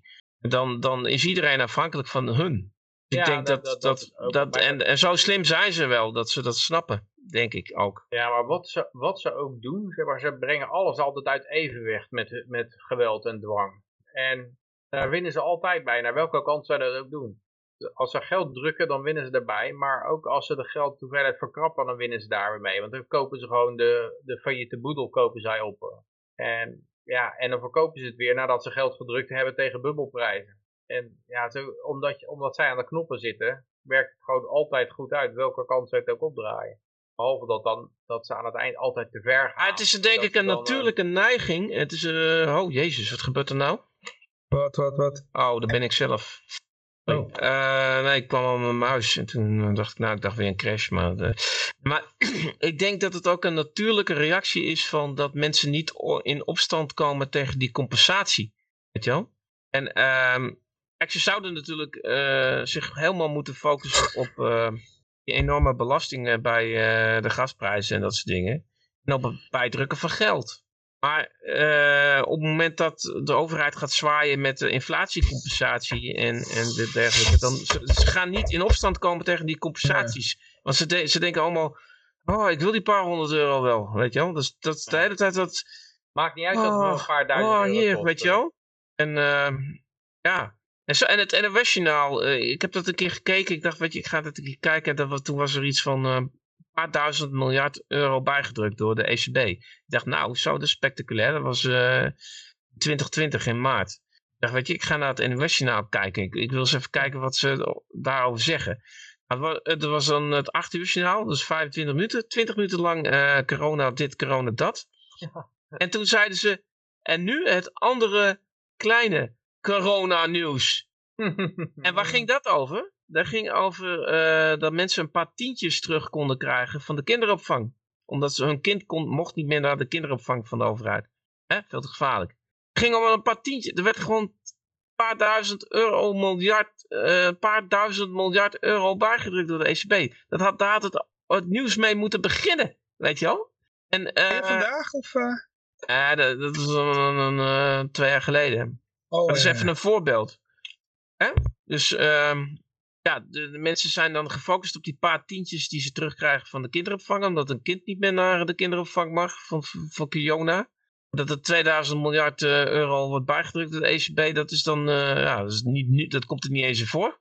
Het hele, ja? Ja, inderdaad. Twee jaar terug toen uh, werd geloof ik in één dag de hele toenmalige market cap van bitcoin bijgejast. ja, weet ik nog. ja. Dat werd gewoon inderdaad, inderdaad niet op het nieuws verteld, ja. ja ik denk dat er bij libertariërs wel eens te weinig aandacht is. Ze zitten te veel te kijken naar hoe uh, onderbouw ik het logisch en hoe, uh, uh, hoe kom ik met nog betere argumenten en statistische voorbeelden. Of ja, ik, ik, als ik het mensen maar uitleg, dan, dan, dan gaan ze wel van gedachten veranderen. Maar ja, dat is gewoon niet wat er, wat er gebeurt. dat, mensen ja, in het moment ja, steunen ze toch inderdaad die, honden, die grijpstuivers die ze vanuit Den Haag krijgen. Ondanks dat ze ja, misschien ook wel weten dat uit hun achterzak uh, duizenden euro's verdwijnen.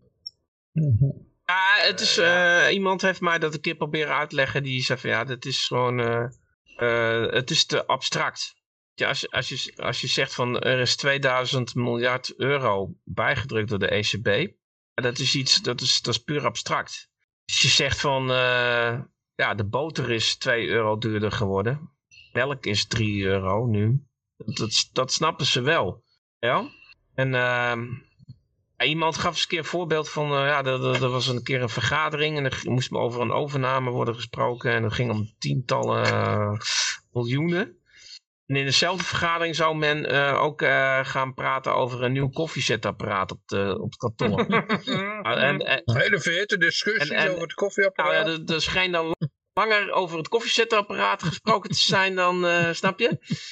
Um, en ja, dat is, wij zijn nog steeds dieren, weet je wel. En, en het, wij zijn kennelijk niet evolutionair ingericht om over 2000 miljard euro iets te vinden of te snappen. Maar ik denk dat, dat, dat wat je wel vaak ziet met tijden van hoge inflatie, is dat men heel snel, uh, als je kijkt wat in de jaren 70 gebeurde, dat eindigde met Reagan en Thatcher. Dus dat men gaat heel snel die linkse gasten opruimen. En dat geeft toch het idee aan van ja, we weten wel waar dit waardoor dit komt, zeg maar. We hebben het getolereerd, want het leek allemaal goed te gaan en ze konden het mooi verbergen tot nu toe, maar nu is het, nu het duidelijk wordt waar, dat het pijn doet, ehm, ja, ga je ze toch opruimen. En ja, het slaat ook wel eens door natuurlijk. Dan gaat weer een of andere rechtse populist kopen die de bezem erdoor gaat halen met een snorretje of zo. Maar uh, ja, ik denk wel dat ze, dat geeft toch aan dat ze wel weten dat het, Sinter, dat het door Sinterklaas kwam, zeg maar. Er wordt altijd gezegd, tegen Sinterklaas kan je niet winnen, maar in, op dit soort momenten lijkt men dat toch wel door te hebben ergens. Omdat het dan heel reëel wordt, uh, opeens als alle prijzen omhoog gaan. Daarom proberen ze ook altijd oorlog te voeren op basis van schuld. Omdat als je het gelijk gaat belasten, dan hebben mensen gelijk door hoeveel het kost. Dan, dan zeggen ze, ho ho, kunnen we niet onderhandelen.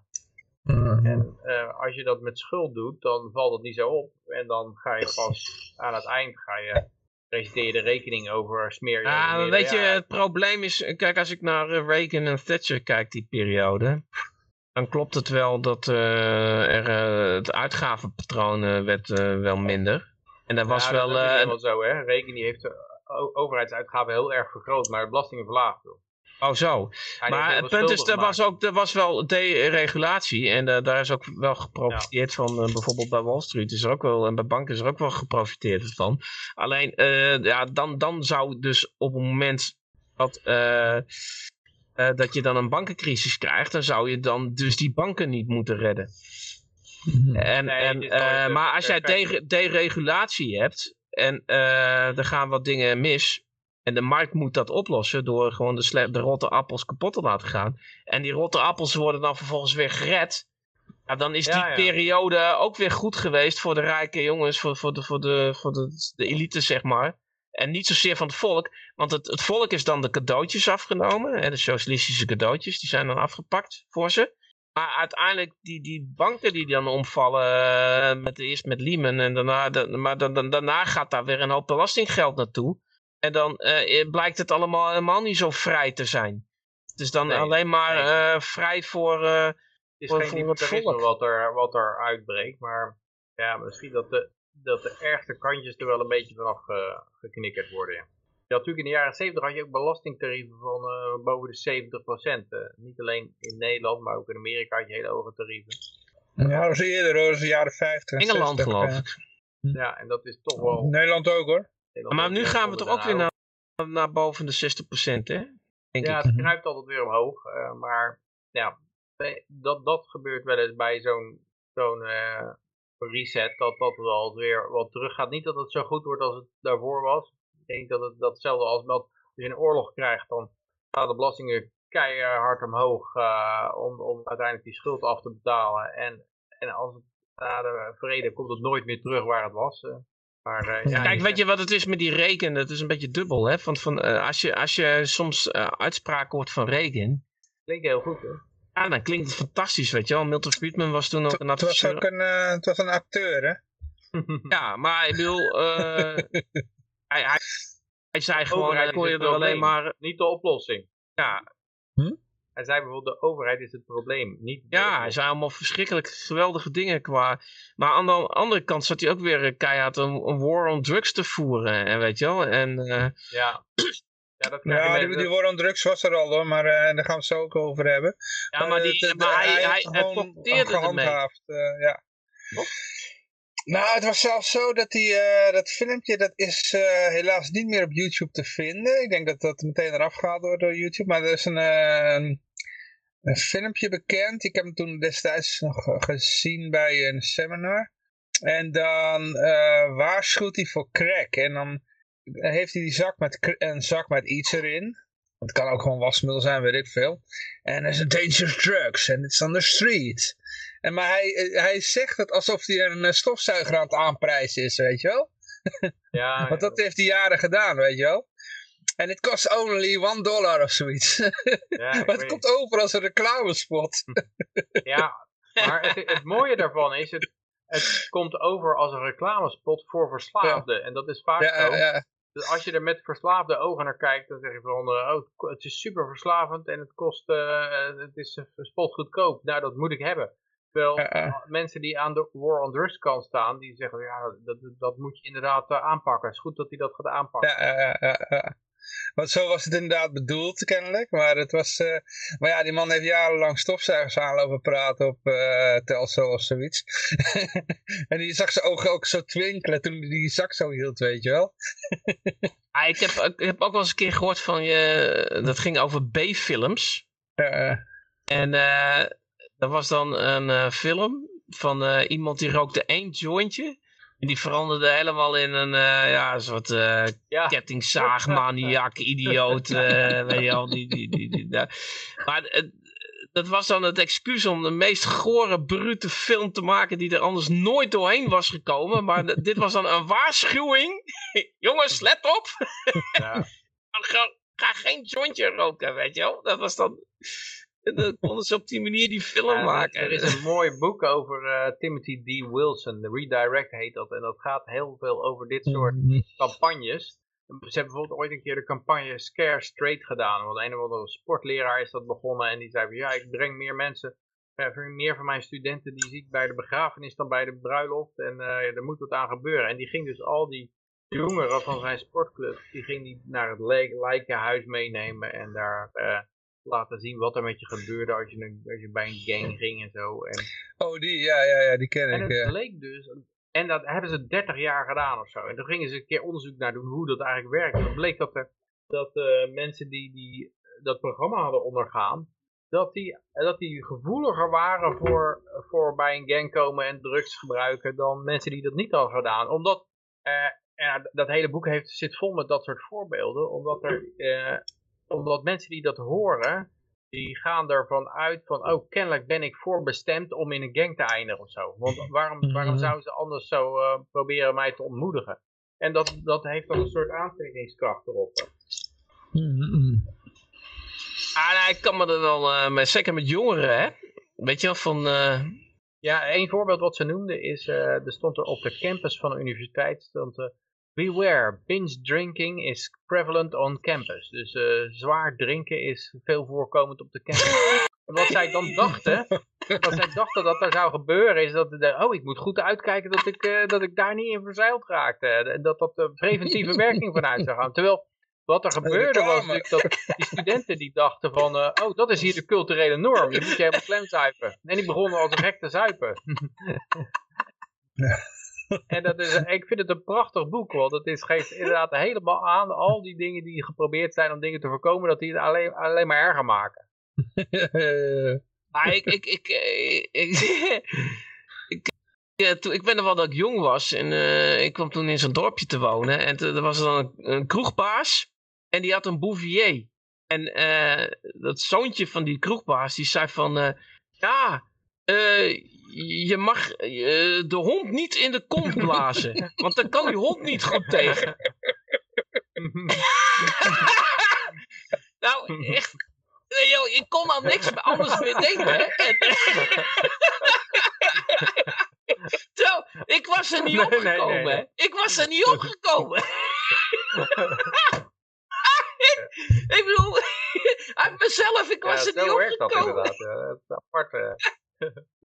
Ik verzin het niet, hè? Ik verzin het niet. En dan zit iets als je moet niet aan een uh, roze olifant denken of zo. Dan, dan kan je daar alleen maar aan een roze olifant denken. Ja, het is uh, heel apart hoe dat werkt. En je vraagt je wel eens af of al die, die waarschuwingen voor bier en zo. Je mag pas alcohol drinken boven de 18 of zo. Dat je, dat, dat, dat, dat ook allemaal verkapte reclames zijn. Dat er gewoon... Uh, mensen zitten te, te denken van, nou, we gaan het gewoon alleen maar voor ouderen, voor 18-jarigen maken. En dan willen de 16-jarigen willen gewoon helemaal graag drinken. Dat is extra ja, stoer. Inderdaad. Heb je hond eigenlijk nog in de kont gebracht? ik ben nou wel benieuwd, uh, Jan-Mark. Oh, oh, hij is weg. Ah, nou ja. Ah. ja, dan gaan we even naar Femke Halsema. Ja, die uh, de war on drugs is een uh, mislukking. Even kijken. Ja. Iemand die, die is er uiteindelijk achter gekomen. Ja, je zou zeggen dat ze dat bij GroenLinks toch wel uh, al eerder zouden hebben moeten doorhebben. Dat, dat is iets wat ze meestal ja. nog wel begrijpen. Ik denk het ook wel hoor. Ik denk dat het natuurlijk, ja, volgens mij is er, Ik, ik weet niet hoor, maar is er verkiezingen in aantocht of zo? Uh... Ja, moet er, weer, uh, moet er weer wat stemmen gewonnen worden misschien. De verkoop van cocaïne zelfs zou niet langer strafbaar moeten zijn. Dat zei de burgemeester van Amsterdam helemaal hals. Ja. Ja, ja, af en toe komt uh, gebroken klok, die staat af en toe wel eens uh, in de goede stand, hè. Dat. Hij is nog wel met een war on tourism bezig, geloof ik, toch? Ja. Ja. Uh, ja, Mark, we waren nog benieuwd. Uh, heb je uiteindelijk die hond nog in de kont geblazen? We willen nou toch wel weten, hè? Hoe reageerde die hond? Uh, nou ja, het idee was dat hij dan scheten zou gaan laten. Dat hij er niet goed... Um, ja, Oh, ja, ik, heb het, ik heb niet kunnen weerstaan. Ik dacht, ik ga dat gewoon een keer doen. Ja, ik, het was een bouvier. Met een zwarte grote zwarte bouvier was het. En, uh, maar ja... Maar je vraagt je af wat je daarmee kunt doen hè, met dit soort dingen. Kan je dat nou ook in je voordeel buigen, dit soort dingen? Het blazen in de kont van een hond? Het principe bedoel ik. Ja, dat je het omdraait. Ja. Um, ja. Want dat, dat, is eigenlijk een beetje het idee van de hele Partij van de Slavernij uh, website bijvoorbeeld. En uh, opperdienaar die, die uh, gaat dolgraag, doet die, wil die alles door de overheid laten regelen. En het doel daarvan is dat op een gegeven moment ook onze collectivisten een keer zeggen van, ho ho, maar dat werkt niet. Oh, door het te ver door te drukken. Want ik, ik heb altijd een beetje geobsedeerd door, dat, door het idee dat, dat het niet lukt om je tegen te verzetten. Maar. Zolang je terug bij blijft duwen. Wat je eigenlijk een beetje altijd ziet bij conservatieven tegen progressieven. Progressieven die gaan weer uh, die gaan één stap verder. Die, die zeggen eerst uh, het homohuwelijk is uh, normaal. En terwijl ze, terwijl ze dat een paar jaar eerder nog veroordeelden. En die conservatieven die volgen daar, die, slak, die shocken daar dan achteraan met een uh, van tien uur. Tien jaar. En, en eigenlijk verdedigen zij gewoon de progressieve standpunten van tien jaar geleden. En je voert, voert zo'n achterhoedegevecht en het lijkt wel of verzet daartegen alleen maar meer fanaticiteit oplevert en dat ze nog harder uh, achter de zaken gaan. Dus als je, ze, als je meeduwt en uh, dan, dan gaan ze, gaat dat, uh, ja, dan moeten zij steeds absurdere standpunten innemen om zich te distancieren, om zich te onderscheiden. Want zij moeten, zij, hun, zij moeten het momentum houden, zeg maar. Ze hebben het idee van, ja, we moeten steeds de, de broedpalen verzetten om weer iets verder te gaan. En dat, je gaat natuurlijk wel de verkeerde kant op dan. Maar je komt wel eerder bij het punt waarbij uh, het niet houdbaar wordt, zeg maar. Wat je nou toch wel een beetje zo ziet, is een soort anti-woke beweging, denk ik. Het begint zich een beetje af te tekenen. Mensen er toch wel een beetje zat beginnen te worden. En dat is alleen maar gekomen omdat ze te ver zijn doorgegaan. Als ze maar blijven hangen halverwege, dan had, had iedereen gezegd, ja, het is een beetje vervelend, maar, maar ja, uh, zo zei het. Nou ja, nou kijkt, in het begin viel er ook wat te halen natuurlijk nog. Weet je wel, want CDA die, die zei nog dingen als van, uh, nou we vinden het wel oké dat scholen homoseksuele leraren ontslaan als het niet past in een, uh, in een uh, dingetje, een christelijke school of zo.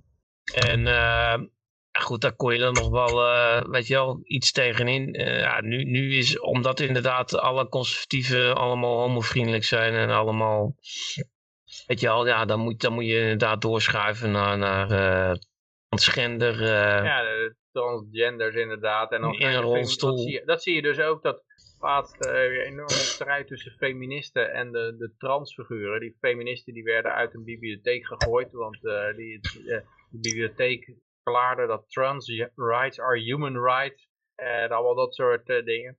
En dan zie je op een gegeven moment, wat je nou bij Tulsi Gabbard eigenlijk ook ziet, waar we geloof ik later nog op komen dat, uh, dat het begint te splijten, zoiets. Zo'n zo'n club begint dan te splijten, gewoon omdat ze ehm, ver in, uh, in het moeras zijn gezakt. Daar. Ja, maar goed, ik denk dat dan de aandacht misschien weer ergens anders, dan gaat het weer naar milieu, weet je wel. Hm. En, uh, weet ik, en dan anders gaat het weer... Maar goed, wat ik wel gedaan heb bij zo'n SP uh, Facebook pagina's, van, dan ging het over minimumloon, dan moest dan naar 15 of 20 euro, weet ik wat. En dan zeg ik van, uh, ja, een minimumloon moet naar 1000 euro per uur. Weet je wel? En dan, uh, ja, of niet soms, stelt je rechtse ballen. ja, en het mooiste is dat ja, ze mij dan uitgelegd... Maar dan, dan, moeten ze zelf gaan nadenken. Ja, en dan moeten ze mij dus uitgelegd, ja, maar dat, uh, dat kan niet. dan moeten ze oh, mij dan uitleggen waarom dat niet goed is. Ja, waarom dat dan slecht is, weet je wel. Uh, zo, zo kun je ze pakken. Want anders dan, ja. Ik heb laatst ook nog zo, inderdaad zoiets gedaan. Ah, bij Vrij Nederland. Uh, ja, ik kom er zo nog wel op. Uh, JF, ja, die zegt, wat heeft hij zo nu weer gedaan? dat was toch zo'n die had toch pistolen en zo? Of zat aan de drugs of zo? Oh ja, van Femke, ja, die zoon, ja. Ah. ja. Ja, nee, die is dus een beetje liever de, de pistolen en uh, drugs en uh, ik weet geen idee. Ja, gewoon, gewoon Ja. Ik geloof dat ze ook een vent heeft die van auto's houdt, van snel rijden in auto's. Wat, wie, wat? Ah, ik een keer, ik weet niet of ik het helemaal goed citeer, maar een van zo'n GroenLinks, ik weet niet of het van haar vent was, maar die, die hield van snelle auto's. Alle okay, auto's ja. geloof ik ook nog, die veel uitstoten. Zoon, ja, zoon heeft uh, guns en, en, en ja, ik weet niet, ik heb geen idee bitches. ah, ik vind die niet... Ja, het was uh, haar, uh, haar man, die is dan uh, regisseur en die, die had dan zo'n nepvuurwapen, dat was het geloof ik, van de, van de filmset. Ja, dat, en daar liep oh. hij mee te spelen. Ja. Ja, nee, ja. Nou, maar dat mag ook al niet, een nepvuurwapens. Nee, nee, nee. Ah, weet je wat, die, Hel die Halsema die zegt dan weer dit dan, dat was toch ook met die, met die demonstratie van Black Lives Matter, ze ging ze een heel plaat doorhouden waarom dat grondrecht is en waarom het zo goed is dat mensen demonstreren, ondanks dat Kiona en, uh, en we moeten niet in een politiestaat gaan leven en uh, allemaal prachtige taal. Uh, ja, Ondertussen wappies in elkaar rammen. Door ja, twee weken later worden de wappies in elkaar geramd, ja, weet je wel. En, dus als zij weer op de vingers wordt getekt van nee, jij moet weer dat zeggen, dan, dan goed, weet je wel. Ja. Ik zit nog even te denken van wat, hoe had ik nou lopen trollen, joh. Ik, ik, ik heb lopen trollen. Ja, trollen is ook zoiets inderdaad. Wat, ja, wat, uh... die, die koffiewetenschappers. Oh, dat vond ik ook wel leuk. Uh, waar had je op gereageerd? Ja, ik, ik, weet niet eens meer wat ik zei. ja, wij van WC. En, nou, maar er oh was, er was een, een, ja, ik, er was een koffiewetenschapper. En dat vind ik wel leuk, want tegenwoordig maak je argument alleen maar als er een wetenschappelijke basis achter zit. En dan heb je een... Had ik nog nooit van koffiewetenschappen nee, maar gehoord. gewoon een reclame voor een... Ja, schrappen de, de acht, acht, bakken koffie per dag. De, dat moet je maar doen. Het is gezond, ja. ja. het is gezond. Was de science. Ja, in de hoop dat je dan meer van uh, Nescafé gaat drinken of zo, uh, ik noem maar wat. Ik weet niet wie het mede mogelijk nou Ja, we hebben het wel meegemaakt uh, met Joris Driepinter. Dan moest je... Uh, drie pinten drinken? Nou, er ging een melk. Hadden we een melkplas hadden we toen. Oh ja. Dat is de EEG. Ja, ENEG hadden we een melkplas en een boterberg gedaan. Dan moesten we dan, uh, dan was het dan uh, gezond om drie uh, grote glazen melk te drinken. Dan moest je meer dan een liter melk opzuipen. Elke dag. En om dat aan man te brengen, dan was Joris Driepinter. ja, ja. dat van Vrij Nederland, waar ik liep te trollen, was dat je dan... Nou ja, mensen met een kleurtje of zo, die konden dan minder goede banen krijgen of zo. En dat was allemaal niet eerlijk.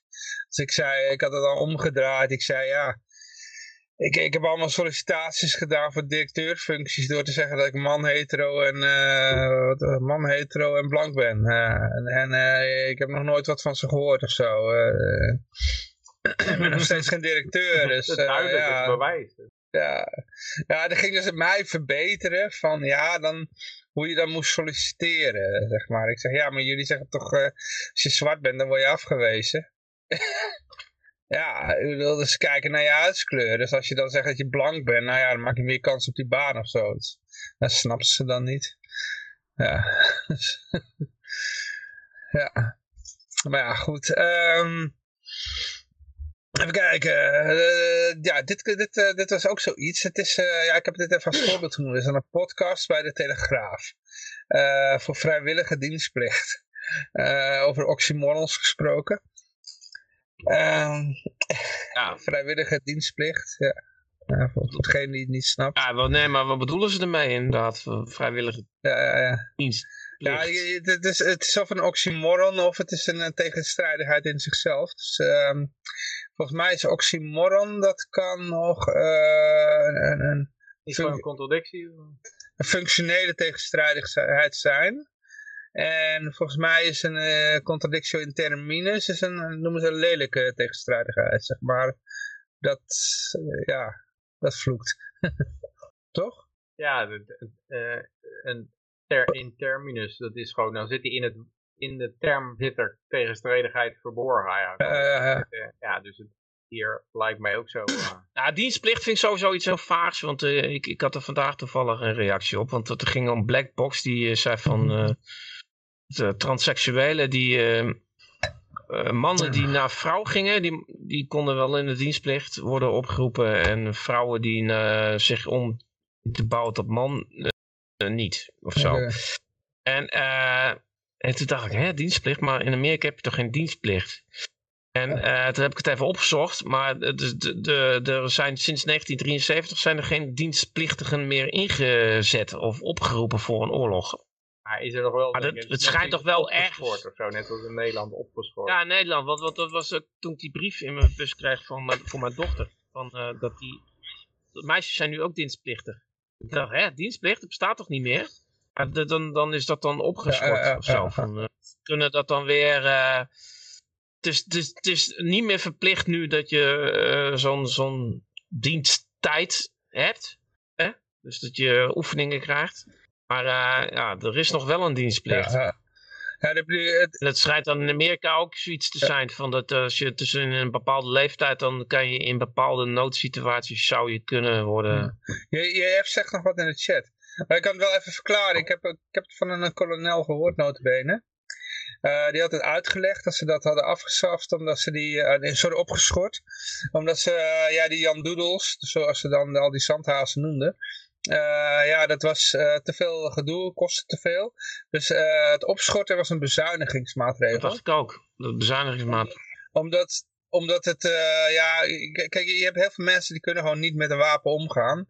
En die krijg je wel als een dienstplichtige, die, die, als een zandhaas moeten die dan met een wapen in hun handen en dan schieten ze zichzelf of hun maat in hun voet.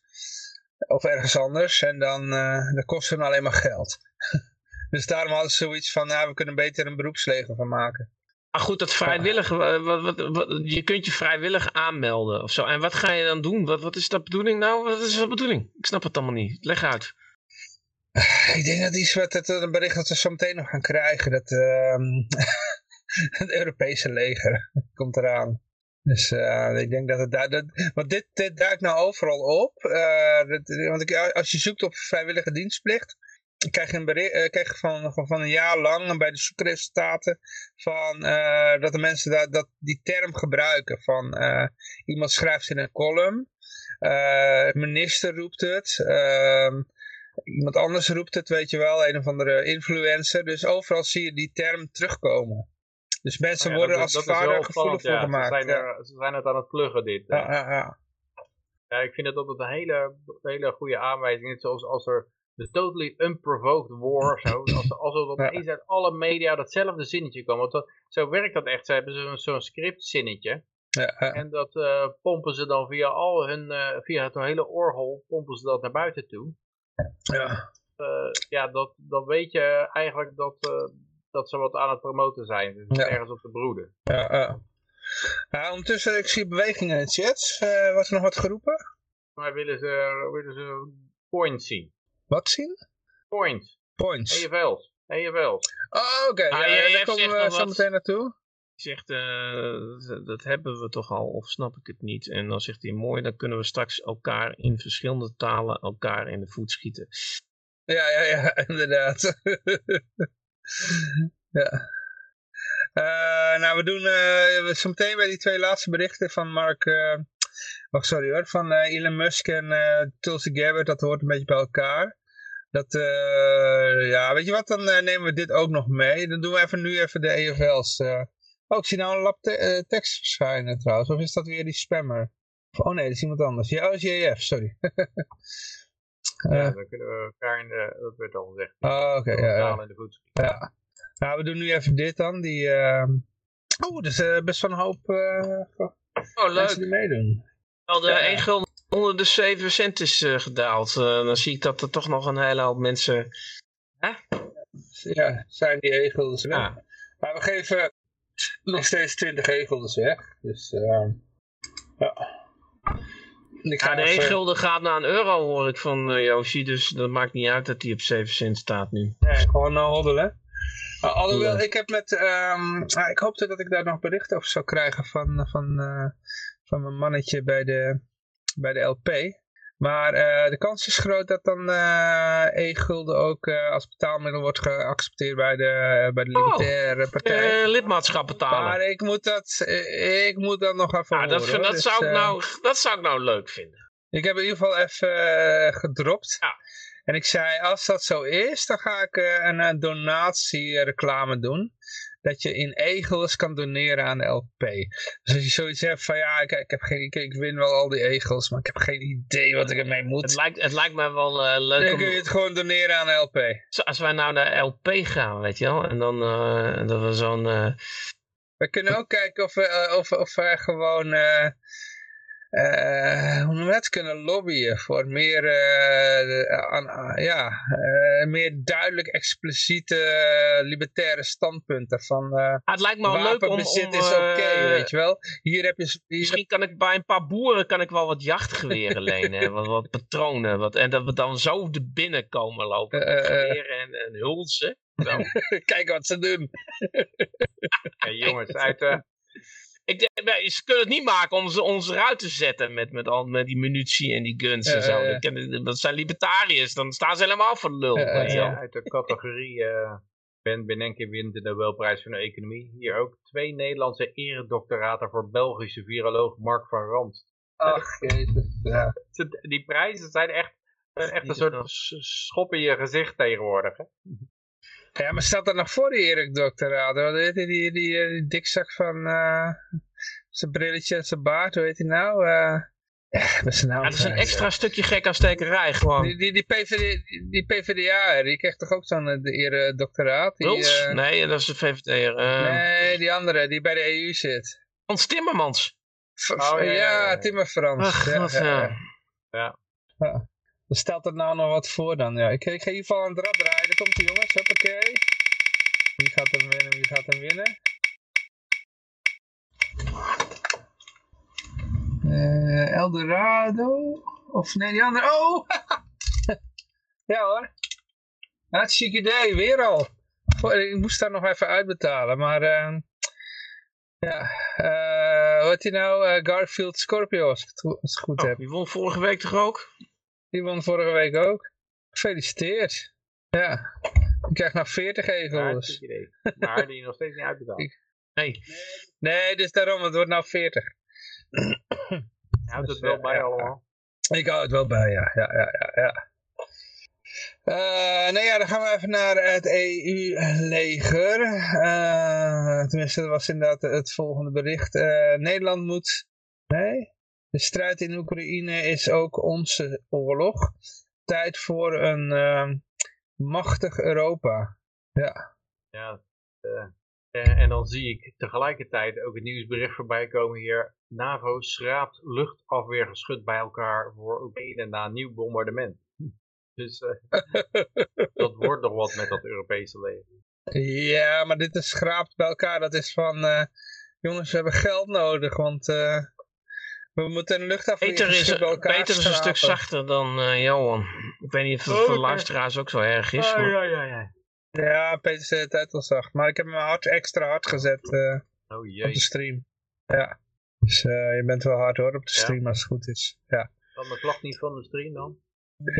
nee toch, via. Mark? Ja, het is voor mij heel erg irritant. Omdat ik dan okay. namelijk, ik moet mijn koptelefoon op een bepaald level zetten. Ja. En ik hoor jou bijna niet. En Johan tettert mijn oren er okay. helemaal uit. Dus ja, dan, oh, okay. uh, nou, dan moet ik maar mijn leven dan. Ben ik op de stream en uh, ben ik, moet ik ook voluit om een beetje... Nee, nee, nee, ik bedoel, uh, als het in de stream is, is het vrij goed. Als jij uh, jou Peter Harder hebt gezet, maar goed. iedereen staat als goed is gelijk hoor. Dus, ja. Maar goed, ja... Um... Ben ik zo misschien wat beter, jammer. Want ik heb hier eens aan een knopje gedraaid. Je klinkt hartstikke sexy. Ja, ja. Kijk, zeg maar. Of, of, Overdag is hij koning der Nederlanden. Zit verkeerde maar Dit is hem, denk ik. Misschien. Ja? Ja, ik klinkt goed hoor. geen feedback van uh, ja, maar... Ah, ja, Johan is harder. Maar kijk, wat we, we, kunnen doen is Johan zichzelf wat zachter zetten. En dan weer in de mix uh, weer harder. En dan zijn jullie allebei goed. Oké. Okay. Dan ook. Maar Maar uh, even kijken hoor. Uh, ja, even kijken. Uh, dit, dit, bericht. Uh, ja, het is gewoon maar iemands mening hoor. Zo'n opiniestuk. Wie heeft het geplaatst, Johan? Ik heb nou, zeg jij er wat over dan?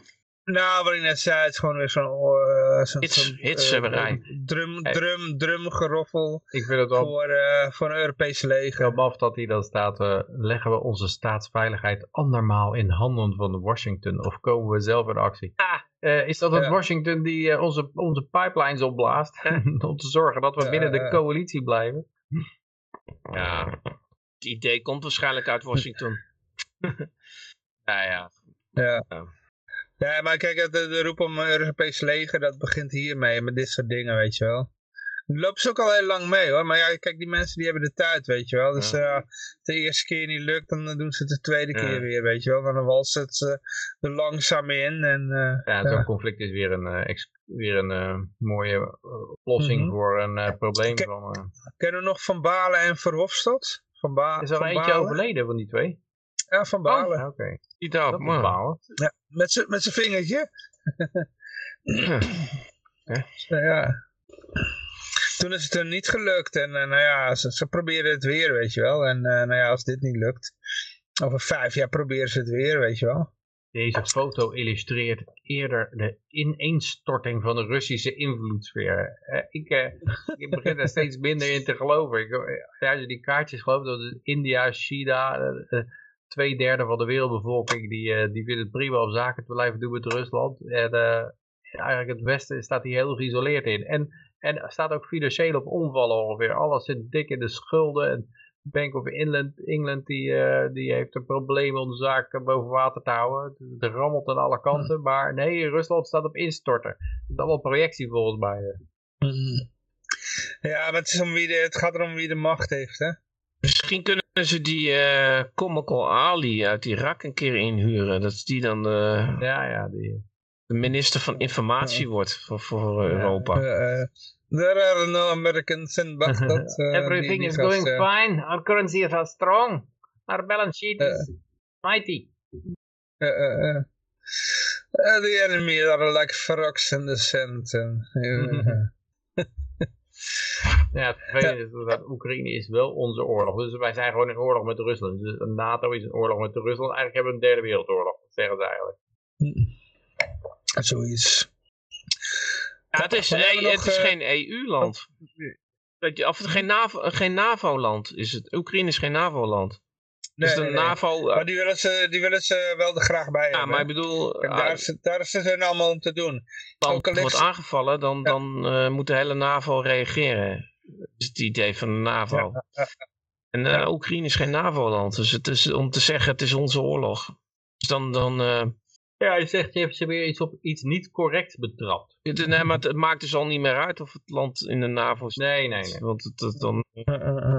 Hey, ik kan me niet herinneren dat Libië uh, een NAVO-land aanviel, eigenlijk. Maar uh, ja, toch kregen die de NAVO op hun dak. Ja, was het niet de Coalition of the Willing? en Afghanistan was dat ook de NAVO. Ik weet nog wel dat ik, ik ging, was een keer in Florida, toen ging naar zo'n, zo'n uh, toen kon je ergens met een mitrailleur schieten. Ik denk, dat lijkt me wel grappig. Uh, dus ik daar naartoe. Ja, uh, een instructeur. En die instructeur had in Afghanistan gezeten. Die zei, oh, ik kom uit Nederland. Ja, dat was een belangrijke generaal beschermd in uh, Afghanistan. Dat was dat Jaap de Hoop Scheffer bleek. Zij ook al, ik zeg, die had je gelijk neer moeten leggen. oh man. AFD luistert mee, hè? dat is één van onze drie luisteraars, maar... Uh... Ja, in ieder geval Zou die ook meedoen uh, voor de ego? Dat was, ja, was natuurlijk een grapje. Iedereen had door dat het een grapje was. Hij moest ook ja. hard om lachen. Maar, uh, maar even om aan te geven dat de NATO, hij was toen NATO-hoofd, die hoopscheffer, dat hij daar wel degelijk in Afghanistan rondliep. Terwijl Afghanistan bij mijn weten geen aanval had gedaan op een NATO-lid. Nou, op Amerika zou je kunnen zeggen, ah, het is niet helemaal waar. Ja, nee, maar, nee, omdat, omdat, uh, omdat Osama Bin Laden daar kamp had opgezet. Ja, bleek later in Pakistan, maar is ook iets met Stan, hè? Ja, dus, uh, een, een Stan. Ja, het was een, een ja. dus, uh, uh, ja, dat is inderdaad met Amerika. Ik weet niet wat dat is met Amerikanen. Ik zat laatst ook uh, naar een, een, muziekkenner uit. dat was een YouTuber. Van, van, en ehm, die, die, ja, die was, zo, die was een grote kenner van blues. En die had, ja, dat is een, een fantastische bluesband uit, uit Denemarken. En noemde het ook iets van vier, vijf keer uit, uit Denemarken. En uh, King of the World. En zei, hey, dat zijn vrienden van mij. Oh, die ken ik wel. heb ik, maar, ik heb met die drummer gespeeld. Ik uh, dacht, goh, is er dan ook, en wat ik dacht dan van, is er dan ook een king die, die, die diezelfde naam heeft, joh? Want, want uh, god, dan, dan kunnen ze wel eens problemen mee krijgen. Dus ik dat opzoeken, nou was het natuurlijk niet zo.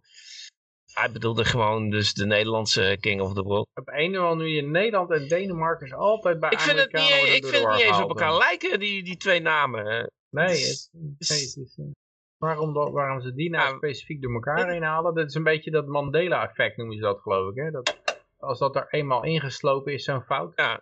dan, uh, dan blijft dat rondzingen. En dan, omdat je dat er weer terug hoort van iemand anders, dan, ja, dan kom je daar ook nooit vanaf. Ik heb ook een keer op een, uh, op een vakantie kwam iemand tegen en zei, ja, in Nederland, we zijn als, uh, ik ben als een fietstocht geweest in Nederland, uh, Kopenhagen geweest en zo. En, uh, dus dan heb je er gewoon rond Maar er ligt, er ligt gewoon een heel fucking land tussen, Duitsland. Ik bedoel, Duitsland kennen ze toch wel? Duitsland.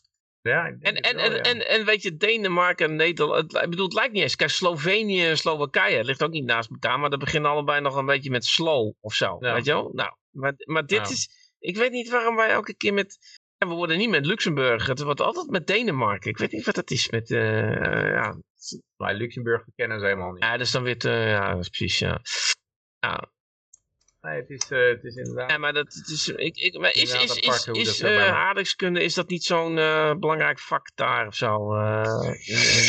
Ja, maar ik zeg daar wel, wel zo, ja, ik weet ook niet waar Idaho ligt precies of zo. Als je dat bij, ik weet niet welke staat naast wel, welke staat ligt of zo. Naast welke staat dan ligt Idaho. Ja, maar dan praat je alweer over... Washington. Washington en die is groter, groter dan Denemarken waarschijnlijk. Ja, oké, okay, maar grootheid heeft ook niet altijd te maken met importantie. ligt een beetje noordwest uh, naast uh, Washington. De staat dan, hè? Ja. Daar ligt Idaho. Oh, je gaat de vraag echt beantwoorden. ja, ik denk... Ja, dat is mid, mid-noordwesten Idaho. En, oh, of Ohio? Wat zei je nou? Idaho? Nee, Idaho. Idaho, Idaho dat ligt toch naast uh, Washington eigenlijk? Nou, je hebt Nebraska en Nebraska... Nee, de, de Nebraska... Idaho, uh, nee, Idaho ligt uh, bij, bij Montana. Ja, en nou is de, hoofd, de hoofdstad van Idaho. Ja, weet ik niet. De hoofdstad? Nee, Kopenhagen. Uh. nee, ik, eh, bij dat soort dingen met aardrijkskunde ook, dat heb ik één keer geleerd. Idaho ligt bij, bij, uh, Montana in de buurt. Dat ligt naast Montana. Dus bij Washington wel, wel bij Washington, daar, maar ja, ja, dat, ik weet wel dat naast Washington lag. Maar. Die staten in het Noordoosten die zijn helemaal knettergek. De Washington, Oregon, daar heb je dat Portland ook. Dat zijn uh, Seattle, dat zijn echt, uh, daar zit iets in het, uh, in het water of zo. Soort uranium, denk ik, of fluoride. Mensen daar helemaal knettergek zijn. Nee, het ligt inderdaad naast, naast Washington, ja, net wat ik zei, ja. Ja, maar ook naast Montana. Uh, het ligt ja. uh, boven Nevada en Utah en uh, Wyoming en het grenst ook aan Montana, ja, inderdaad. Ja.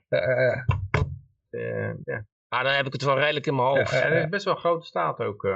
Want aan de linkerkant liggen Washington alle, ik... en Oregon en het, en het is net zo groot als Washington en Oregon bij elkaar. Net zo lang.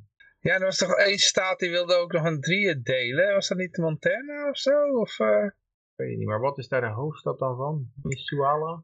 Uh, ik heb het ooit op school, wist ik het wel. Dat is bijna allemaal goed, maar... Uh, Idaho Falls, ik was, uh, er die echt als een, uh, een stad bij zitten die nou... Uh, ik zeg, ja, dat klinkt echt als, als de hoofdstad.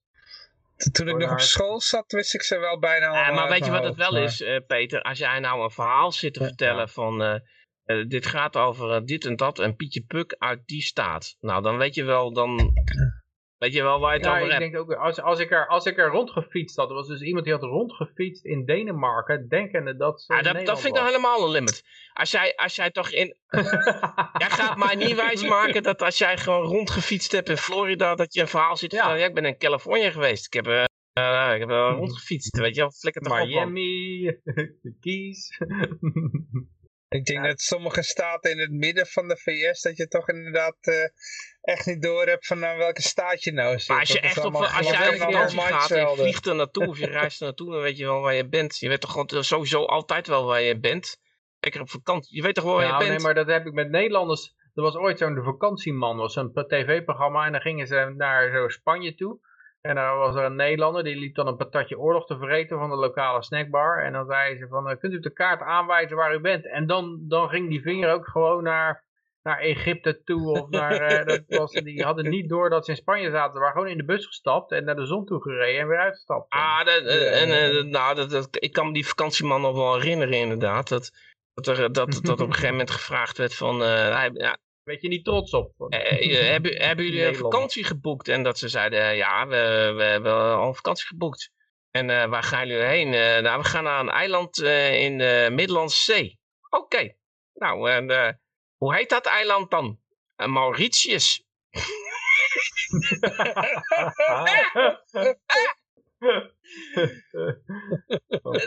ja. ik denk dat ik al eerder zei, heel veel mensen die die denken niet met een verstand, maar die denken met een ik gevoel. Vraag me dan af, je zit dan... Er is een zonnetje en er is een strand. en ja, hoe het verder heet, hey, maar je, je zit dan in het vliegtuig, hè, naar dat eiland in de Middellandse Zee. en je zit dan uh, negen uur in een vliegtuig of zo, weet ik veel. Dan denk ik, nou, is toch godverdomme, het gaat wel traag. Middellandse Zee verder weg dan ik dacht. Schiet niet op. Ja, ja. Ah, en ik ben wel eens een keer ook in New Jersey, ben ik bij, ging bij een vriend die woont in New Jersey. En dan ging je, ging je met de auto rijden naar het zuiden toe. En dan vraag ik me ook vanaf, hoe ver zijn wij toen gekomen? dat is ook al een hele hoop jaar geleden natuurlijk. Ik ben in Virginia geweest in ieder geval. Maar ja, dat, uh, North Carolina waarschijnlijk. Maar dan weet ik het even niet meer, wat we daar uh, hebben al... En dat is, ja, ja, het is ook een tijd geleden natuurlijk. Ja. Maar ja, de Amerikanen af en toe hebben het idee dat ze wat uh, geografisch wat minder onderlegd zijn. Maar uh, ik denk dan wel eens van ja, ter verontschuldiging. Ja, ik weet ook uh, die landen in Afrika ja, dat klopt, ja. weet ik ook niet allemaal Afrika aan te is ook een uh, ding, ja.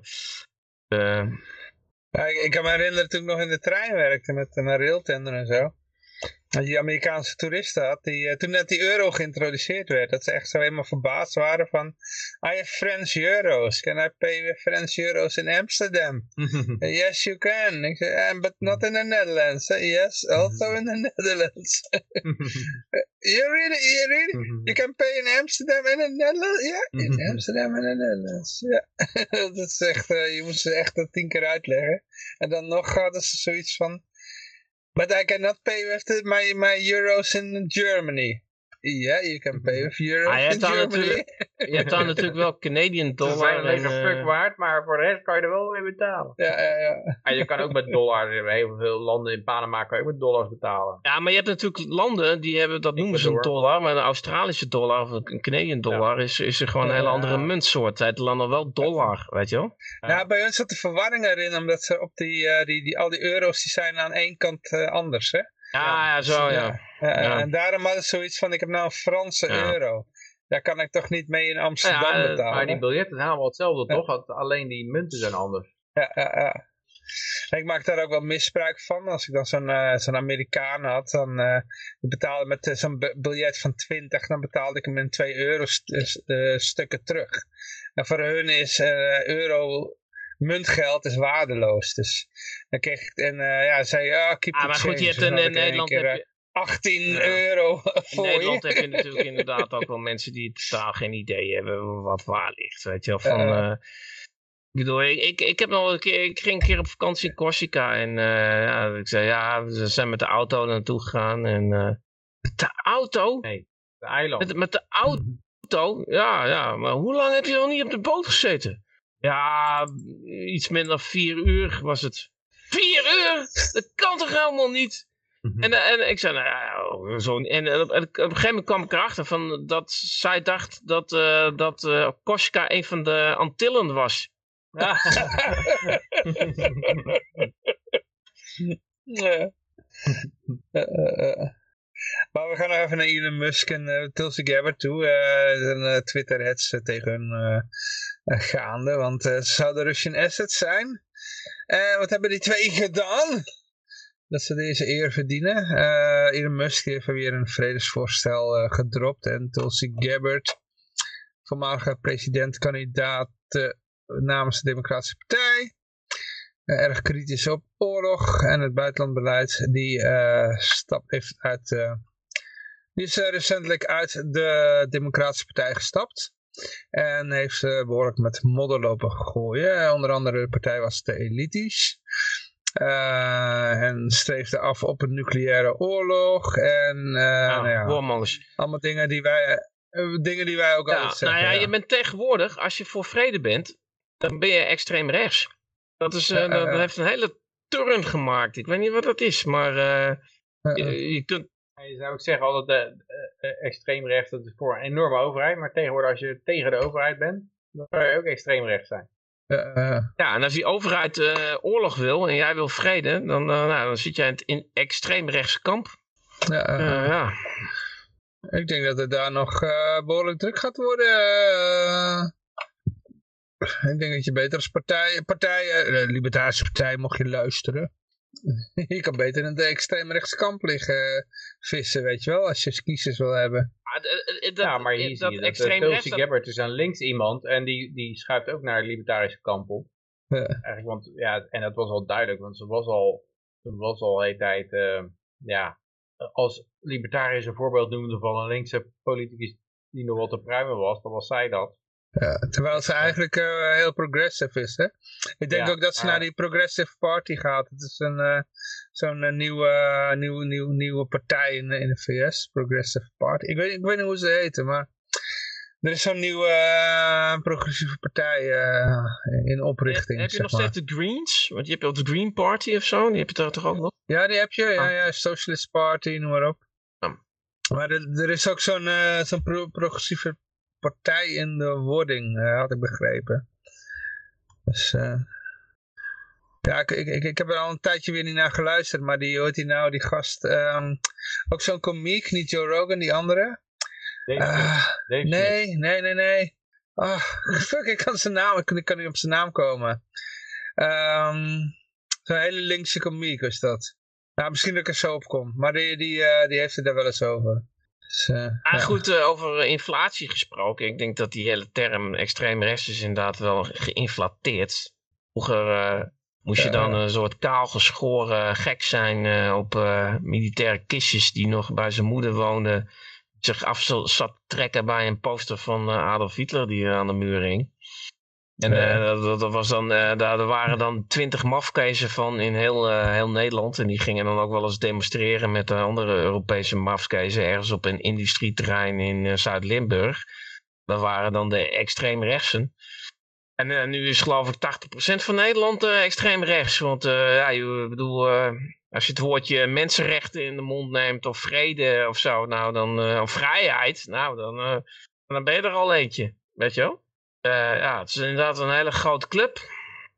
En JF vraagt nog Bill Meyer, want die is ook, uh, die, die, die scheidt zich ook wat af hè, van het uh, complete ja, democratische verhaal. een beetje af, af van het dwalen. Allige. Af en toe. Ik, ik, ik, heb hem gevonden, Jimmy Door bedoel ik.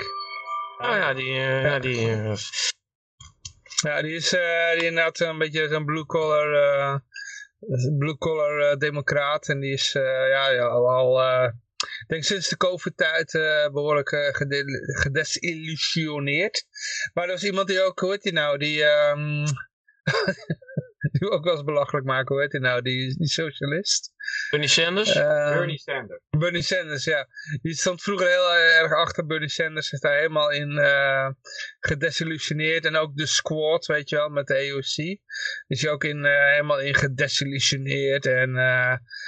Nou ja, die, uh, goed, hij is nog wel blue collar, maar die, die heeft het dan wel eens over zo'n uh, zo'n uh, progressieve partij in oprichting die dan gaande is, zeg maar. En waar al die, die linkse democraten dan naartoe vluchten.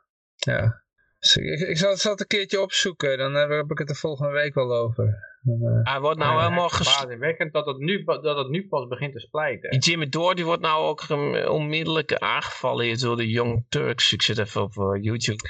Al, al heel lang, oh. al heel lang. Ja, die, is, die al heel lang hebben, die, is zo feit. Maar ja, de Young Turks, daar, daar luistert niemand meer naar. En uh, die hebben ook uh, allemaal fake, uh, hoe heet het? fake accounts. Fake, fake abonnees, ja, ja, zeg maar. Wel, je ziet dan bij Jimmy Door wel een organische, hoe noem je het, luistergroep. Dus als hij live gaat, dan zie je ook echt gewoon dan, dat de mensen luisteren. En bij, ja, jong, jong, ja, het is net als CNN. Ja, wie luistert daar nou naar, weet je wel? hij, was, hij, begon, hij was ook even de eerste, volgens mij, die ook over dat Azov-bataljon begon, hè? Die Jimmy Door. Ja, ja, ja, ja, ja, ja. ja.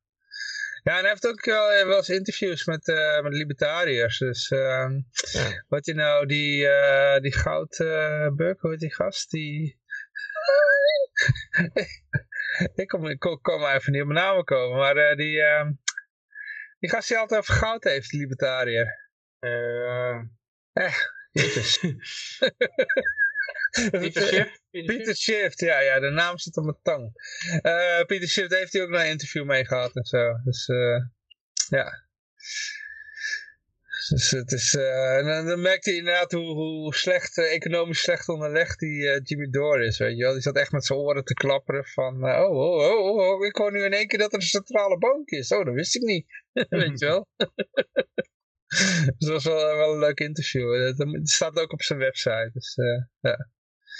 Ja, dat is wel verbazingwekkend, die, die lui inderdaad. Maar dat zie je bij Noam Chomsky ook zo. Nou, centrale bank, dat lijkt me toch wel oké. En, dan heb je niet door ja, als je loopt te fulmineren tegen al die oorlogen van het empire en dan wel een centrale bank goedkeuren, ja, uh, dan schiet je jezelf zo in de voet, dan dat heeft, dat heeft eigenlijk allemaal geen zin meer. Uh. Uh, want tussen JF die, die is aan het reageren wat we allemaal zeggen. Oh. Bill Maher, hij is ook aan het, uh, Jimmy, Jimmy is een Putin asset. ja, Tulsi Gabbard is ook een Putin asset, zeggen ze. Ja, ja, ja. ja. Dat zei ik ook al. Van als, uh, op Twitter was een hele hetze tegen die twee, tegen Elon Musk en uh, Tulsi Gabbard. Van ah, allemaal, allemaal assets van Putin. En, uh, ja, ze hebben echt zo'n leger met van die, van die lastigvallers. Hè? Die, nep-accounts. Ja, ik weet niet wat nep-accounts zijn, maar dit is ook, er zit ook wel iets, ik, ik luister een podcast over van Bitcoin. Iemand die zich verzette tegen Bitcoin fundamentalism. En die noemde dat ook een verhaal van, wat was het nou, hoe heet die, gast nou? Daar ben ik ook de naam van kwijt maar een, een bekende bitcoiner. En die had mhm. dan geïnvesteerd in iets wat, uh, wat, wat met Ethereum te maken had of zo. Nou, komt een heel leger van die, wat ze dan de, de Hornets noemen, hè, de wespen, de, de, die komen dan aanvallen. En hij, hij zei een beetje van, ja, het is een soort, ja, je hebt ooit die blockchain wars gehad en dan heb, nou heb je een, een heel immuunsysteem dat gewoon iedereen begint aan te vallen. En er is eigenlijk niks meer om over aan te vallen, beginnen ze elkaar maar aan te vallen. En uh, dat, uh, ja, dat, dat idee heb ik dat hier ook het geval mee is. Dat uh, er wordt enorme aanvallen steeds uitgeoefend op iemand die, er, die afsplit. Wat natuurlijk heel religieus is. Hè? Als jij een moslim, als je, dat, als je zegt, nou ik geloof dat ik toch niet in Allah geloof, in Mohammed zijn profeet. Dan, uh, dan ben je een afvallige en dan, dan krijg je toch een berg shit over je heen. Omdat er zijn natuurlijk allemaal mensen die eigenlijk ook af willen vallen. Die er ook niet meer in geloven. En, maar die willen dat iedereen erin blijft, want dan kunnen ze het voor zichzelf ook verklaren. Uh, dan, maar zo, zodra er iemand uit, uitkomt, uh, uit, uit ontsnapt, dan worden, ze heel, dan, dan worden ze gewezen op hun eigen onmacht. En, uh, ja, dat was zo'n grapje gemaakt van die krabben. Ik weet niet of je dat kent van, de, van die Canadese krabben en die, en die Amerikaanse krabben. Dat was nog in de tijd dat Amerika meer kapitalistisch was dan Canada. Toen had hij toen had die man die had twee tonnen met krabben. En de ene zat een deksel en de andere niet. En vroeg, vroeg ze aan van waarom heb je nou de ene ton uh, een deksel en die andere niet. Toen zei hij ja in die ene zitten Amerikaanse krabben. En, uh, en als, je die, als je daar geen deksel doet dan kruipen ze eruit. Maar bij die Canadese krabben als er dan eentje probeert uit te klimmen. Dan trekken die andere weer naar binnen toe. Oh ja. ja, en dat, dat, dat is een beetje het, het verhaal met die linkse. Want als je eruit probeert te ontsnappen, dan, uh, dan uh, worden ze pisnijdig. Maar de spanningen binnen het hele linkse kamp zijn ook enorm. Want er zitten er een heleboel onderdrukte varianten die ook allemaal elkaar de keet uitvelen. Zoals de trans en de feministen en uh, ja, dat soort joden en moslims zitten erin. En ja, is, dan heb je nog de, de ecofascisten en de En de, en de klassieke figuren zoals Bernie Sanders, van die oude socialisten van de barachtige, we gaan de union-achtige types. Uh, oh, ik, ik, zie nog een reactie op YouTube. Uh, de Vries, ja, die denkt dat ik het over Russell Brand had. Maar dit is inderdaad ook wel een interessant ah, gevalletje. Ja, die is inderdaad, ja, ik, ik, ben, ik heb altijd toch een beetje zo'n gemengd gevoel bij Russell Brand, want ja, die weet gewoon van waar viewers te scoren zijn en daar zit hij dan bovenop, weet je wel. Dus ja, het is, en die is ook overal voor in te huren, want ik had toen met uh, jaren, we hebben het jaren terug nog wel eens over Russell Brand gehad en dat hij, um, dat hij niet ging stemmen. Kan je dat nog herinneren? Dat was denk ik vijf jaar geleden of zo. Uh, toen had je die verkiezingen in Engeland. Dat ging dan tussen uh, de, de Conservative en, en Labour. En hij zei, ja, ik kan niet uh, kiezen en ik stem maar helemaal niet, want niemand vertegenwoordigt mij. En toen ging hij die kaart spelen en toen kwam zelfs Johnny Rotten nog even erbij. Van, ja, nee, je moet wel stemmen hoor. want ja, nee. Ja? Blijft natuurlijk blijft wel een linkse figuur in zijn denken. Ja, en aan het eind van het hij verhaal weet af en toe weet hij wel leuk met die, die vaccins, dan weet hij wel, ja. Uh, ja. Ja, nu, nu wel, maar dat was toen. Aan het eind van het verhaal dus, dan had hij een hele show gemaakt van dat hij niet ging stemmen en zo. En iedereen werd er nog bijgehaald. Uh, Vivian Westwood werd er nog bijgehaald en noem maar op. Allemaal van, ik ga niet stemmen. En uh, een hele show was het. En aan het eind, ja nee, ik ga toch maar op Labour stemmen. Weet je wel? hij schijnt geloof ik niet gestemd te hebben. Dat uh, bleek later pas. Maar toen zei hij wel aan het einde, ja, nou, nee, foto, een foto van Labour.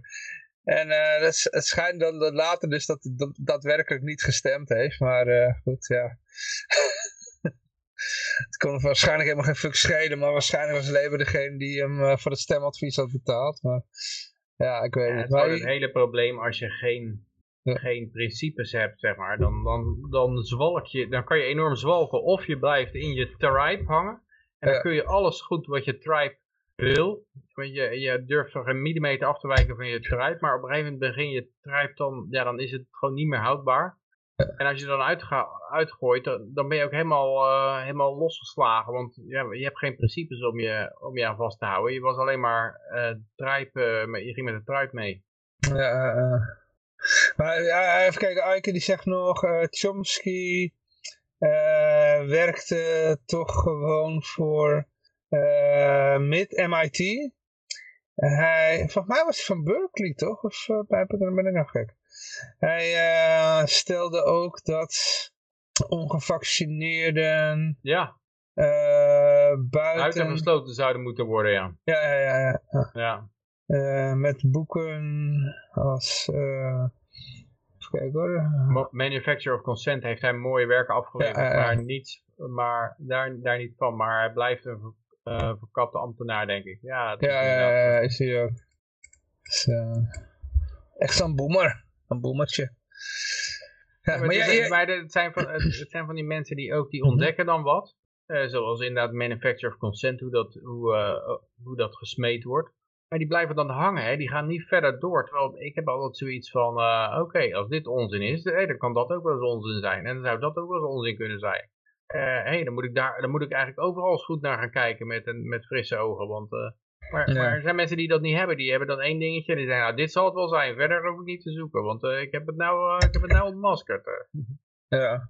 Ik hoorde trouwens bij Virus Waarheid van um, een of ander opverzoek of zo, of maar dat, dat plan om uh, ongevaccineerden te demoniseren of mensen die kritisch waren, dat lag al uh, klaar voordat ze begonnen met die, ja, uh, met prikjes. Ze hadden dat al, al helemaal uitgedokterd. Ja, ja, ja. ja, daar heeft nou ook een Pfizer-directeur onder Ede verklaard met het EU-parlement dat het hele vaccin niet op transmissie is getest. Dus al die mensen die hebben lopen zeggen, je doet het voor de ander. En je, die, die, eh, die, ja, die moeten daar toch eigenlijk maar ja, ook toe... Die stappen, die stappen waren dan dus al heel duidelijk. Want, want je had dan, dat was allemaal nog voor die prikjes er waren. En wat die, je hebt dan nog die stap gehad van dat uh, Hugo de Jonge zei van, ja nee, maar... Uh, we gaan het niet verplichten, maar we gaan het ook niet via een omweg verplichten. We gaan ook niet mensen het gevoel geven dat ze het moeten nemen. Ja. En dat gaan we op geen enkele manier doen. En daar zijn we ook tegen. En misschien moet er zelfs een wet komen die dit verbiedt. dat uh, mensen zich een of andere manier gedwongen voelen. En hij is helemaal geturnd natuurlijk. Maar toen uh, hadden ze al besloten van, nou, dan komt er dus dan, uh, dan gaat er dus verzet komen. En dan gaan mensen zeggen, ja, maar het is eigenlijk geen vaccin en bla bla bla. Dat, dat ze die dan aanpakken met influencers en met trollen en zo, dat hadden ze al lang van tevoren ja, hadden ze dat helemaal toen ook, uh, een paar jaar, toen de tijd hebben we dat ook nog doorgenomen, want toen dat draaiboek was ook al openbaar. Event 201. Ja, dat hebben we toen al doorgenomen van, oh, dat, dat gaat er dan zo meteen allemaal gebeuren. Dus, uh... Ja, ook het gebruik van, ah, het tegen, gebruik maar van dat was tegen misinformatie. Huh? Het gebruik van influencers en uh, religieuze ja, personen, personen ja, die mensen vertrouwen. Ja, en bestrijden van misinformatie, dat kan me nog herinneren. Ik heb, ja. Wat, wat zo, ja, maar het raar is dat als je nou zegt van nou we gaan, toen, wat zij toen zeggen, we gaan die influencers en, en religieuze leiders en zo en, uh, en werkgevers gaan we gebruiken omdat mensen die het meest vertrouwen en de rest vertrouwen ze eigenlijk niet meer. Dan vertrouwen ze uit, de eindsituatie is dat ze die mensen ook niet meer vertrouwen. Uh, alles, wat ze, alles, alles wat de overheid aanraakt en inzet voor hun doelen, dat, dat verliest gelijk aan vertrouwen. Dat, ja, dat zie je met zo'n CNN nieuwszender of zo ja, het is eerst is het een autoriteit en iedereen kijkt ernaar. En dan op een gegeven moment, oké, als het een autoriteit is, dan wordt het een magneet voor, voor charlatans en voor, voor potentaten. En als die het dan eenmaal onder hun controle hebben gemanipuleerd, dan wendt iedereen zich ervan af. Van ja, daar, daar kan je niet, dat is bevuild, daar kan je niet meer naar kijken. En nu gaan ze al het vertrouwen weer terugkopen. Nou ja, dat, dat werd dus laatst bij... Het inflatie, uh, hoe dat? Inflatie... Uh... Bonussen. Ja, checks, zeg maar, ja. Ja, er werd laatst gewoon gezegd van dingen maar één keer doen, ja. Davos uh, Forum, daar was, werd gezegd van ja, de, de elites zijn het heel erg met elkaar eens tegenwoordig. Maar het wantrouwen in de elites is nog nooit zo groot geweest. En we moeten het vertrouwen terug gaan winnen. En er zijn een heleboel panelbijeenkomsten over geweest hoe ze het vertrouwen terug gaan winnen van de bevolking. Omdat ze weten dat ze dat kwijt zijn geraakt. Maar als je één keer in de lens zit, dan zeg je van ja, de Lancet dat is het meest gezaghebbende medische vakblad. Ah, oké. Hm. Niet meer hè? Ah, dat, Daar kan je, kan je één keer gebruik van maken. Door een FOP-onderzoek over hydroxychloroquine in te laten zetten. Dat kan je precies één keer doen. En dan is het van, oh wacht eens even. Uh, Compromise. Ja. En dan, en, nou en dan. En de New England Journal of Medicine ook. Hè? Ja, en dus dat dat zijn dingen, ja, dan, dan uh, goed.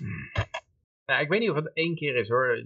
Vertrouwen gaat natuurlijk wel, zeggen al, het vertrouwen komt te voeten, gaat te paard. Uh, dus ik weet niet of het bij, bij ons soort mensen is dat wel in één keer weg, maar bij, ik weet niet of dat bij iedereen zo is. Hoewel ik laatst die, uh, ook zo'n wetenschapper, wie was het ook weer, die, uh, die, die, vent, die uitvinder van het mRNA-vaccin, hoe heet die ook alweer? Ja, ik weet wie je bedoelt, ik ben, weet ook zijn naam niet. Bij Rogan zat, doe je? Ja, die zat ook bij Rogan, ja. Zo uh, even, volgens mij zat hij in... Uh, William Mullen? Uh, Robert... Robert um, Loan. Muller, ja. Malone, Robert Malone, ja, Robert Malone, Malone ja. Ja, ja, ja. En die zat ook te vertellen van, ja, eh, eerst geloofde ik er allemaal in. Ik las netjes de New York Times en, uh, en, uh, en ik geloofde allemaal wetenschappelijke magazines en dat het allemaal te vertrouwen was. En ja, toen ik eenmaal zag dat er gewoon kaart gelogen werd, toen toen ben ik er heel anders naar gaan kijken. En, en die is toen alles gaan... Uh, oh, nou haal ik, haal ik die Robert Malone met die Peter McCullough vandaan. Uh, volgens mij was die Peter, Peter McCullough, die, uh, die hartchirurg.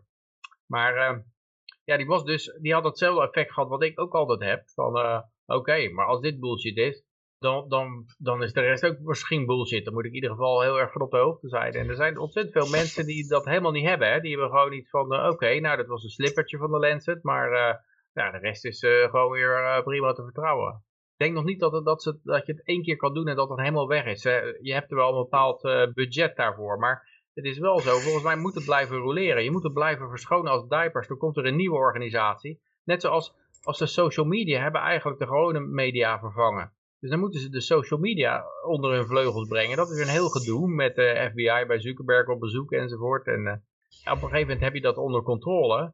Maar dan krijg je natuurlijk weer een heel leger nieuwe social media.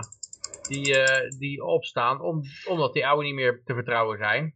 En dan krijg je weer dat, dat je die onder controle moet brengen. En volgens mij is dat, is dat een heel goed verdedigingsmechanisme. Ja, goed. Je, Door gewoon een, een, heleboel van dit soort platformen op te richten en die te verkopen. Je, dus je richt een platform op ja. en, en je verkoopt het aan die lui voor een hoop geld en dan richt je gelijk weer een nieuw platform op. En, en zij maken het waardeloos. Zij vernietigen waarde eigenlijk ook. Ze kopen iets waardevols op een hoop luisteraars en, ze, en, en lezers en ze vernietigen de waarde ervan. En dan moeten ze weer een nieuwe, nieuw, iets nieuws kopen. Als je dat genoeg blijft doen, dan gaan ze uh, failliet, zou je zeggen. Ah, maar dan kom je wel weer op iets nieuws. Bijvoorbeeld die, uh, die Boerenburgerpartij die nou... Uh, die van, hoe heet ze, die Caroline, die heeft dan gezegd van, ja, ik ben helemaal verliefd op Remkes vanwege het rapport.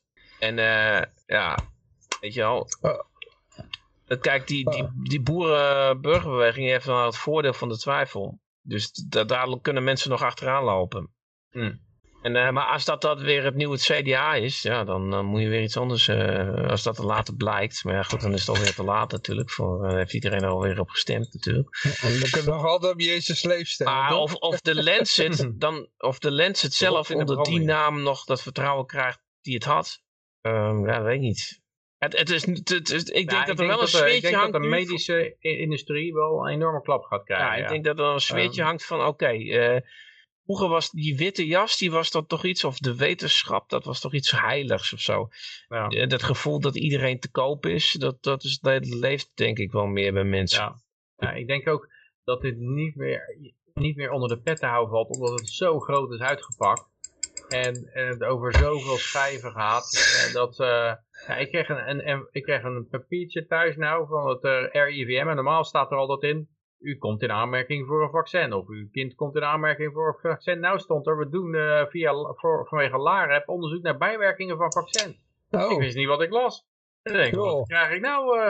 Dus uh, ja, als je eenmaal dat soort onderzoeken gaat krijgen, dan komen natuurlijk allemaal resultaten uit, die worden gepubliceerd. Uh, ik denk niet dat ze, dat ze dit gaan uh, lukken. 9-11 en zo kunnen ze onder de pet houden, dat komt nooit naar boven, denk ik. Maar, maar dit, ik denk dat ze dit niet kunnen, niet onder de pet houden. Tenzij ze er overheen metselen met een enorm groot drama of zo. Als er nou, er nou een enorme oorlog achteraan komt, dan, dan kan je het misschien wegpoetsen.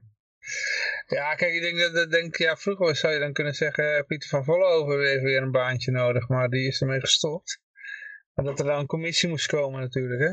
Hij heeft nou weer die wereldwijd, man. Er worden wereldwijd onderzoeken gedaan en zo. Uh.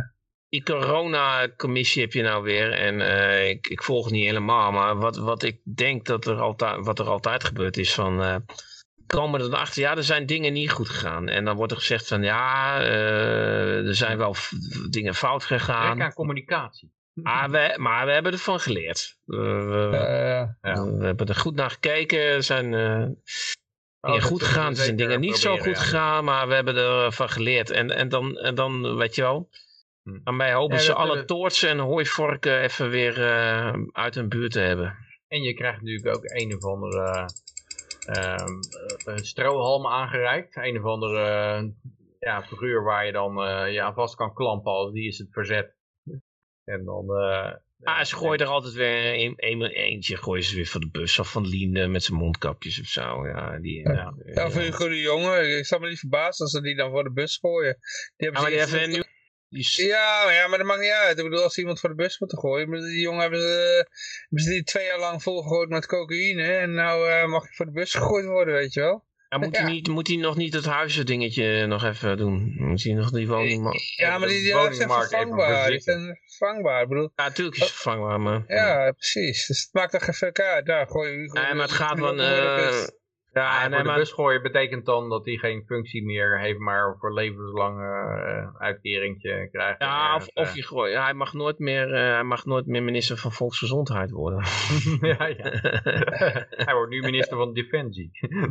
oh nee. hey, King Hong die zegt, uh, persoonlijk denk ik dat 9-11 het onderwerp waarop, wordt, waarop het breekt. Maar ik kan me niet voorstellen 9-11 dat ze nog dat, dat er is al genoeg in gegraven. En als ze het zo lang onder de pet hebben gehouden, dan lukt het ook nog wel om het nog twintig jaar onder de pet te houden. Ja, het wordt net zo'n dingetje als de moord op Kennedy, weet je wel. Dat, uh, ja, ja. Maar daarna komt er nog een hele lap iedereen, tekst, Iedereen weet dat het, dat het niet snoor zit of zo, maar... Ja. Maar daarna komt nog een hele lap tekst. Ik weet niet of jullie... Uh, ja, jij hebt zegt van ja. uiteindelijk geven ze wel toe dat het fout was, maar dan boeit het niemand meer. Zie uh, ja, of Tonkin. Ja. Een paar jaar later geleden uiteindelijk toegegeven en dan boeit het niemand meer. Ja, het is allemaal uh, dan... Uh, Ja, of de schutter, bij, de, de schutter bij de moord op uh, hoe heet het? Martin Luther King. Dat dat dan niet die Earl was, maar iemand anders. Of iemand van de FBI, weet je wel. Die hoort er niemand meer over, weet je wel. Dat was, dat, was toen gelijk met de jurk van, van Lewinsky. Ja, sommige dingen, de pers besluit gewoon ergens op te hameren en ergens anders niet op te hameren. dat, uh, dat, maakt ontzettend veel uit. Ze kunnen, kunnen tijden doorgaan over, uh, over één verkiezingsfraude en, en een andere verkiezingsfraude. Die kunnen ze gewoon de big lie noemen of zo, als je dat dan zegt. En, en daar maar op doorhakt, dan ehm, ja. Maar ik denk uh, dat we wel inmiddels aan het einde toegekomen zijn. Je, je had toch nog op het laatste moment nog even voordat de uitzending begon nog een berichtje erin gegooid. Uh, Bank of England misschien had ik erbij gegooid, ja. Ja, ja. ja, dat, is wel interessant wat er nog bij de Bank of England gebeurde. Dat was natuurlijk heel erg zo'n verhaal van... ja, we zijn vastberaden, we geven niet op, we gaan de geld bij het verkrappen en zo. En het, het verhaal was eigenlijk uh, over drie dagen, vrijdag geloof ik, dan zou het programma ten einde komen. Dat was het, dat was het gewoon het einde van, mm van de uh, eh, QE. Dan, dan was het gewoon afgelopen, basta enzovoort. En toen begon opeens begon het helemaal te, eh, te schuiven in de, in de markten. Want die pensioenfondsen die zat natuurlijk zwaar geleverd omdat er, omdat er bijna geen rente te verdienen is. Hadden ze zwaar, zwaar ge, gehefboomd. En hadden ze dan afgedekt met, uh, met rente rentederivaten. En die, maar die mensen die dat verkocht hadden, die hadden zich ook weer gehedged. En toen begon de, begon de rente te stijgen. En toen moesten ze, moesten ze opeens een heleboel collateral bij posten. En toen kwam, moesten ze, gingen ze een heleboel obligaties verkopen. Toen knalde de rente nog harder omhoog. Kreeg een enorme loop. En, de, en de, de rente schoot zo erg omhoog. En de pond die kelderde al laag. En toen kwam de Bank of England, die kwam, uh, ja, er zit een noodsituatie, uh, we gaan even een hele berg uh, opkoopprogramma doen. Dus gingen ze een enorm opkoopprogramma doen, maar nog steeds met als opmerking dat het, dat het wel tijdelijk is. Dus over drie dagen, dus eigenlijk krijg je daar drie dagen om alles te dumpen wat je wil dumpen. En dan kan je dan in hun schoot dumpen, in de Bank of England, die, die printen de gelden. Maar daarna, dan gaan ze die geldpersen uitzetten, dan gaan ze gewoon weer keihard, keihard ja, de inflatie bestrijden. En, maar eigenlijk zie je dat er een soort, soort uh, tweespalt is nu tussen de centrale banken die dan zogenaamd de inflatie moeten gaan bestrijden door de geldhoeveelheid te verkrappen en de overheden die met checks rondstrooien. En, uh, die dat juist, uh, dus het, het, zijn tegengestelde krachten. En ja, meestal is het natuurlijk de, de, geld, maar, de geldrondstrooiers die het winnen. Hè? Maar als je dit soort dingen doet in cryptoland, dan krijg je meteen, meteen Koffiezilla achter je aan van uh, je bent een scammer, weet je wel? Ja. Ja, ja, dat, uh, ja. ja. iedereen weet ook wel dat die centrale banken dat dat uh, natuurlijk nergens op lijkt, maar, maar je weet ook qua timing weet je niet helemaal goed hoe ze dat gaan, dat gespeeld wordt, zeg maar. Want ik, ik moet altijd denken, het duurde natuurlijk met het Romeinse, Romeinse Rijk toen dat veranderde van een, in een keizerrijk onder Caesar. Met dat de dinarius uiteindelijk waarloos wordt. Er zat er 350 jaar tussen of zo. Of misschien wel 400 jaar zat er tussen. Hmm. En het zal nu allemaal wel sneller gaan, denk ik. Maar je weet, je weet niet echt van het, van het tijdstip af. Uh, en dat is ook het rare, dat nu mensen hmm. enorm in cash gaan zitten. Dus ze zitten, ze zitten allemaal op stapels cash, omdat de beurzen omlaag gaan. En, en alles gaat omlaag. En uh, cash is king, want ze zijn de geldhoeveelheid aan het verkrappen. Als ze nou straks op die printknop drukken, dan, zijn al die mensen natuurlijk enorm de sigaar met dat cash. Want met, nu verlies je al 10% per jaar aan koopkracht. En uh, daar ben je dan blij mee, want met de aandelen verlies je nog meer. Uh, maar, maar als die geldpersen weer aangaat, dan, dan, zit je helemaal scheef natuurlijk met al die... Uh, en dat, dat is nog steeds mijn idee, dat op het moment dat die hyperinflatie intreedt, dan zit waarschijnlijk iedereen in cash of zo.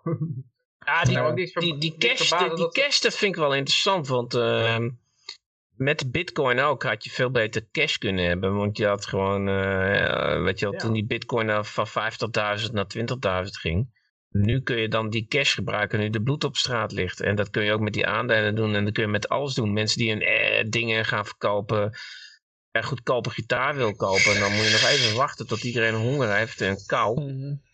Dan kun je, eh, weet je wel, weet je wel dus, dus die cash die heb je nodig als, uh, als je verwacht dat er bloed op straat komt. En als het dan 10% inflatie is, dat maakt niet uit. Als jij hm. binnen een half jaar verwacht dat er bloed op straat ligt, Er zijn dingen wel met, ja, met, met 80% verminderd Als iedereen dat verwacht, als iedereen dat verwacht en allemaal vol in de cash zit, en het komt niet omdat ze toch weer de geldkranen aandraaien, dan ben je zwaar, zwaar de sjaak waarschijnlijk. Want dan gaat het, kan het heel hard ont, uh, ontrafelen. Ik weet niet hoe snel dat dan gaat. Want uh, zelfs als je een, uh, een inflatie hebt van 17% per jaar. Ik bedoel, als de bitcoin met, met 60, 80% naar beneden flikkert in, in, in drie maanden kun je toch nog met die cash die, die 17% inflatie heeft, kun je toch nog dikke winst maken door die bitcoin op te halen. En hetzelfde geldt voor een uh, bepaald aandeeltje of bepaalde dingen die in ja, compleet instorten. Als je, als je 17% inflatie hebt, dat, zeg maar het eerste jaar 17% inflatie, dan zal je zien dat, uh, en ze zeggen van we gaan er wat aan doen, dan zie je dat crypto's en aandelen en huizen en zo, dat het allemaal instort, want die rente gaat omhoog. Mm -hmm. Maar ik denk dat als je dat vijf jaar achter elkaar hebt, vijf jaar 17% inflatie, dat mensen toch gaan zeggen, nou dan ga ik toch weer in die, in die risk asset zitten. Mm ja, goed, maar ik, ik, denk nou vooral uh, mensen die bijvoorbeeld uh, toen de bitcoin 15.000 naar beneden ging, die dachten, oh lekker, dat is lekker goedkoop. En, en, weet je wel, en, die, en dan gaat hij op een gegeven moment nog 5.000 euro naar beneden, oh lekker, nog een beetje. En, en eigenlijk is nu het geld op, terwijl ze nu moeten kopen, weet je wel. En die mensen die in cash zaten, die, die, uh, die geduld hebben, die wachten tot er echt bloed op straat ligt. Ja, die, die, die zitten wel goed, ondanks dat je een inflatie hebt van 17%. omdat alles veel sneller in elkaar stort. Dat is zo, maar dan moet je, je moet dit dan wel zeg maar, een beetje van tevoren eigenlijk bijna zien, zien aan te uh, komen. Ja, er zijn wel mensen die dat ook, ook wel... zo'n Harry Dent of zo, en die roept al, als, al, al sinds uh, tien jaar dat je in cash moet zitten, omdat de grote crash eraan komt. 10 jaar, oké. ja. En eh, dan heb je natuurlijk heb je te veel gemist. Uh. En uh, ja, als je bij 50.000 verkocht je bitcoin, ja, dat is een perfect moment. Maar ja, dat, dat, ik vind dat altijd heel moeilijk om dat, uh, dat te schrijven. Onze pensionado die roept nog wat in de chat, uh, Yoshi. De echte speculantse winst maak je als, je als de prijs omlaag gaat. Ja, natuurlijk als je bijvoorbeeld Ethereum weet ik nog wel, dat zakte op een gegeven moment 80 dollar toe in die, in die enorme beermarkt na 2017. Die Het probleem is, dat probeer ik ook te vertellen. Dollar, dat is naar 4000 gegaan. Als je dan wat geld hebt inderdaad, 80. Als je dan nog geld hebt. Ja, maar je weet, ik hoor, ik hoor nu al gewoon een jaar lang buy the dip, buy the dip. Nou, al die mensen die dat gedaan hebben, buy the dip, buy the dip, die hebben geen cash meer op het moment dat ze die dip echt kunnen... Als de bitcoin straks op, op, op 16.000 staat, hij is al op 18.000 geweest. Nou, uh, dan, uh, wanneer is de dip? Weet je, die dip die kan over een jaar liggen, weet je wel. En, en hij kan weer omhoog gaan over, uh, in 2024, weet je wel. En iedereen is fucking geld kwijt, omdat hij elke keer dat dip heeft gebaaid. Die helemaal geen dip was. Het was alleen maar... Van, uh, zo'n dipping. Ja, dan, ja, dan heb ik een dipping, weet je wel. Flikker op. En iedereen is, en niemand heeft meer wat. Weet je wel, dus, dus ja. Daarom denk ik dat het handig is, is het handig om, om cash in te krijgen. Als je een cashstroom binnenkrijgt, dan is dat niet zo erg. Dan koop je gewoon met die nieuwe cash, blijf je gewoon wat kopen, ook op het lagere niveau. Maar, maar als je, ehm, als je zeg maar gepensioneerd bent, zoals uh, King Hong, dan, uh, dan heb, je, heb je geen cashstroom erin om, om nog wat te kopen als het nog verder dipt. Ja, ik ben benieuwd hoeveel cash hij heeft om nu de dip te kopen. ja, maar ja, goed. Uh, ja, hij heeft al uh, gekocht op het moment dat het nog veel lager was dan, dan de dip die we nu krijgen. Die komt nooit meer zo laag als, uh, als 12 jaar geleden natuurlijk. Ik vind, het, ik vind, het, moeilijk, want nou, je hebt ook met die centrale banken, die, die blijven heel hard beweren van ja, we houden goed bij stuk en zelfs als het banen kost, we gaan gewoon keihard door tegen tot, en en dat klinkt heel stoer. En daarom denkt ook iedereen van, oh jee, je hoort toch wat ze zeggen. Ze gaan gewoon keihard door. Dat betekent dat, uh, dat de koersen nog wel door twee gaan. Maar die, die garantie is helemaal niet zo hard. Net zoals de Bank of England. Dan is het gewoon opeens van, uh, oké, uh, we gaan weer om. En ik denk dat de ECB dat ook niet kan volhouden. En de, en, en de Fed uiteindelijk ook niet. Nou, ik, ik, heeft bijna geen cash. Vooral het zilver en goud. Ja, dan koopt hij geen crypto meer mee. Nou, wat, wat, ik zelf denk is van, er komt nog even zo'n soort van event waardoor alles crasht. Ah, ja, die, dat Amerika officieel de oorlog verklaart, weet je wel, naar Rusland. Ja, Ah, die zilver en goud, die is toch, dat, is, dat is ook niet zo raar dan, eigenlijk. Zilver, want zilver en goud zijn al redelijk, redelijk stabiel in het verhaal. Ja, ik vind dat ook, uh, ik vind dat ook dus dat is niet eens het is, wel, het is een soort stablecoin die toch inflatiebescherming geeft voor als het opeens, uh, eens helemaal misgaat met de geldontwaarding. en, uh, maar het, ze zakken niet zo keihard omlaag als crypto. Het is niet zo dat je opeens 80% kwijt bent uh, met goud. Ja, dat had je inderdaad, als je toen op 50.000 stond, had je inderdaad in, in, in goud en zilver kunnen zitten. Dan, heel, en dan geduld hebben, geduld hebben, geduld hebben. Tot die echt dan niet, niet tegelijk te veel kopen van dit is de dip, bij de dip, bij de dip. Iedereen elkaar gek maken. Ja, wat Johan zegt, dat vind ik wel in zo'n soort corona-crash, zeg maar. Dat je zo'n capitulatie, zo'n capitulatie krijgt inderdaad met een of andere oorlogsverklaring, wat je denkt, nou zijn ze helemaal gek geworden. Ja, uh, ja dan, uh, dan zie je nog één keer zo'n verticale spijk naar beneden aan. En als je die, als je die kan pakken, dan... Uh, ja, dan en daarna gaat de geldpers natuurlijk weer aan, net zoals na corona. En dan, ja, dan krijg je weer zo'n... Zo gaat alles weer omhoog. En dan gaat ook bitcoin omhoog, want ja, uiteindelijk zit dat ook gewoon aan de vet infuus. Dus, uh... Ik denk dat ze op een gegeven moment zullen ze toch wel graag weer een uh, inflatie van 3,5% willen hebben, of 4.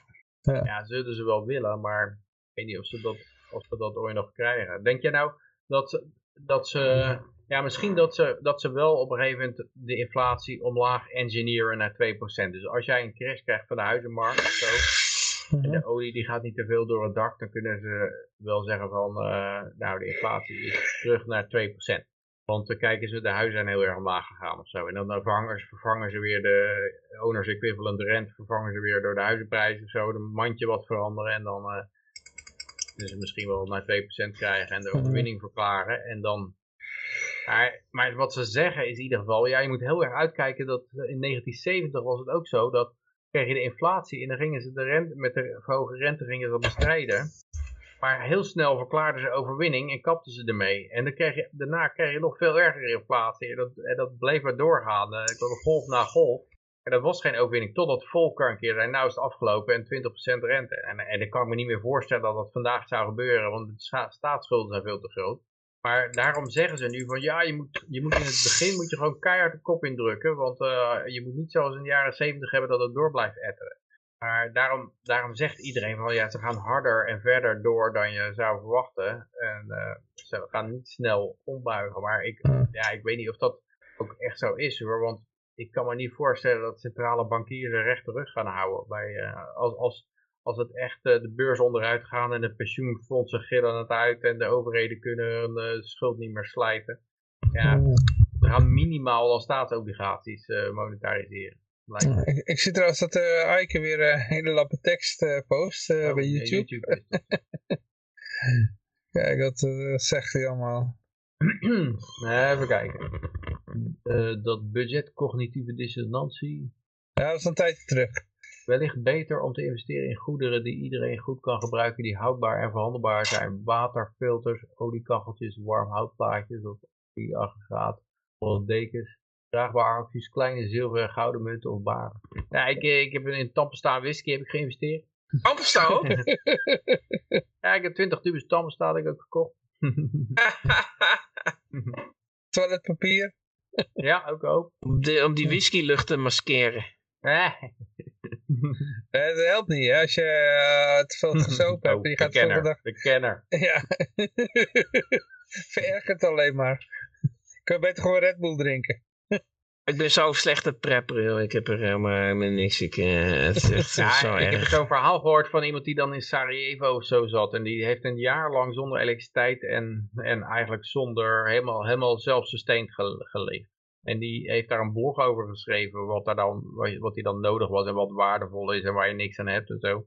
als je dat leest, nou, eh, je hoopt dat je dat niet te wachten staat. Want dat is echt, als, je dan, als het dan koud wordt en je denkt, nou dan stook ik mijn deur en mijn bureau zo op of zo. Hij zegt, dat is zo opgestookt. Daar heb je echt, uh, dat, duurt niet lang en dan zit je weer in de kou. En dan moet je nog een jaar. Uh, ik kan beter bij Wim Hof in de training gaan en gewoon wennen aan de kou, weet je wel. Dat je... Een bak, bak, met ijsklontjes gaat zitten. Maar de, hoe dat, uh, Luc Radowski die heeft ook allemaal prepper tips. Dus, uh, dus ja, op zijn website. Ah, het, moet ook een beetje state of mind. Huh? Wat, wat? Het moet ook in je, ik, ik denk dat ik er gewoon geestelijk gewoon niet zo geschikt voor ben gewoon. Ja, ik bedoel, uh, ja, ik ook niet, maar ik vraag me af wat er in je boven komt als het zover is. Dat, dat heet preppen, hè? Uh, preppen. Ja, wat, hij, wat hij ook zei, wat maak je gelijk al, al kansloos, dacht ik. Van, nou, als bovenaan zijn lijstje stonden wapens en munitie. Want uh, hij zegt, de, de mooiste huizen die waren het eerste. Die hebben dan een hekken eromheen, een veiligheidsgraad. Het maakt allemaal niks uit. De, als die massa er eenmaal erbij wil, dan, uh, dan ga je er toch wel in. En, uh, dus hij zei, ja, je moet voldoende wapens en munitie En Luc Ladowski dat? Nee, die, die, die, gast, die, gast in Sarajevo. Ja, die gast in Sarajevo? Ja, die. Ah. Ja. En, uh, en hij noemde ook uh, containers om vloeistof in te voeren als belangrijk. Uh, hij had overleefd door, hij, hij had dan een, een apparaatje om, om aanstekers bij te vullen met kerosine. En daarom kwamen mensen naar hem toe om zo aanstekers bij te vullen. Maar en wacht, heeft hij een boek geschreven of zo? Wat is dit? Ja, die heeft, een, heeft er, ja, hij heeft ook een boek geschreven, ja. Wie is dat dan? Wie is dat dan? Ja, ik kan het wel eens opzoeken. Ik wel, uh, wacht even hoor. Dat nou, we willen het allemaal weten, want dit gaat... Zet hem in de dit chat. Is waarde, dit is waardevolle informatie. Ook leuk voor onze luisteraars, hè? Die ja, uh, misschien ja, ook... Uh, ik, heb het, ik heb het ook aan iemand anders die wil dat ook heel graag weten wie dat was. We zitten, we zitten met een rechtsextremistisch wappiepubliek, dus... Peter, als ik jou was, zou ik hier gewoon geld voor vragen, hè? Voor deze informatie. One year, one year in hell. ik, ik zal even de... Oké. Okay personalliberty.com, one year in hell. Ja, dat is wel uh, interessant. Dat is maar één jaar, we zitten al 2,5 jaar in een hel. ja, maar als je, erg, als je hoort waar hij, waar hij mee te maken had, als je dat leest, dan uh, denk je wel van ja, dat, dat is, en, en, het, en het heeft ook een lange echo in de zin dat hij, uh, dat hij nou nog steeds, hij zegt ik heb een appartementje in de stad, maar ik heb ook uh, een huisje in, op het platteland waar ik mijn eigen voedsel, en het ligt ook helemaal vol daar met wapens en munitie, en hij zegt niet waar die zit, maar hij heeft overal wapens en munitie verborgen. Jaren later nog, hè. Dus hij heeft daar nog steeds iets voor. Als het misgaat, zal je mij niet nog een keer krijgen. Oké. Maar jerrycans is ook belangrijk om te hebben. Dus, uh, en, uh, en toiletpapier had hij toch heel hoog staan. Hij zegt, want dat is ja. echt... En schoonmaakmiddelen bijvoorbeeld, dus ook... Uh, maar ik weet ook wel met die Kione-tijd in Amerika... waar je gewoon wapens en munitie kan kopen... dat, die, dat de sales omhoog gingen van munitie en wapens tijdens... Uh, dat, daar, daar, om, ja, daar, daar is het meer gebruikelijk of, of heb je de mogelijkheden. In crisistijd, dat, uh, hier kopen ze toiletpapier en daar kopen ze toiletpapier en wapens inderdaad. Ja. Is dat toch zoiets van... Uh, maar bijvoorbeeld ook met zoiets als Black Lives Matter. Dat ze daar gewoon overal zien dat die steden in de brand staan en dat uh, winkels worden beroofd. Dat, dat hebben mensen ook de neiging om wapens te kopen en zo. maar, dat ze dingen op tv zien en zo. Ja. Kijk jongens, ik wil er wel zo mee opgaan. Maar ik post nog wel even deze link. One year in hell. One year in hell, jongens. Ja. Oh, ja, je post hem in uh, oh, ja, ja, schuif, ja. Ik, ik, zal hem wel even doorzetten naar de Twitch. Ja, gewoon googlen toch? Het is aan... Uh, oh, ook mezelf. Ja. hey, ik uh, ga ermee ophouden. Ik ook, ja. Uh, ja, beste mensen, ik wil jullie allemaal uh, hartelijk danken voor het luisteren. Uiteraard zijn we de volgende week weer, gewoon weer een uurtje voor acht. En ja, ik wens je al een vrolijke en heel erg vrije week toe. Hopelijk nog geen wanneer in hel, maar bereid je gewoon alvast voor. En nou ja, ik zou zeggen, toedeledokie. Uh, eindtune kennen jullie wel. Oh, er wordt van alles gepost in de chat, maar ja, we houden het hierbij. Volgende week weer een kans. Hartstikke idee. Doei doei.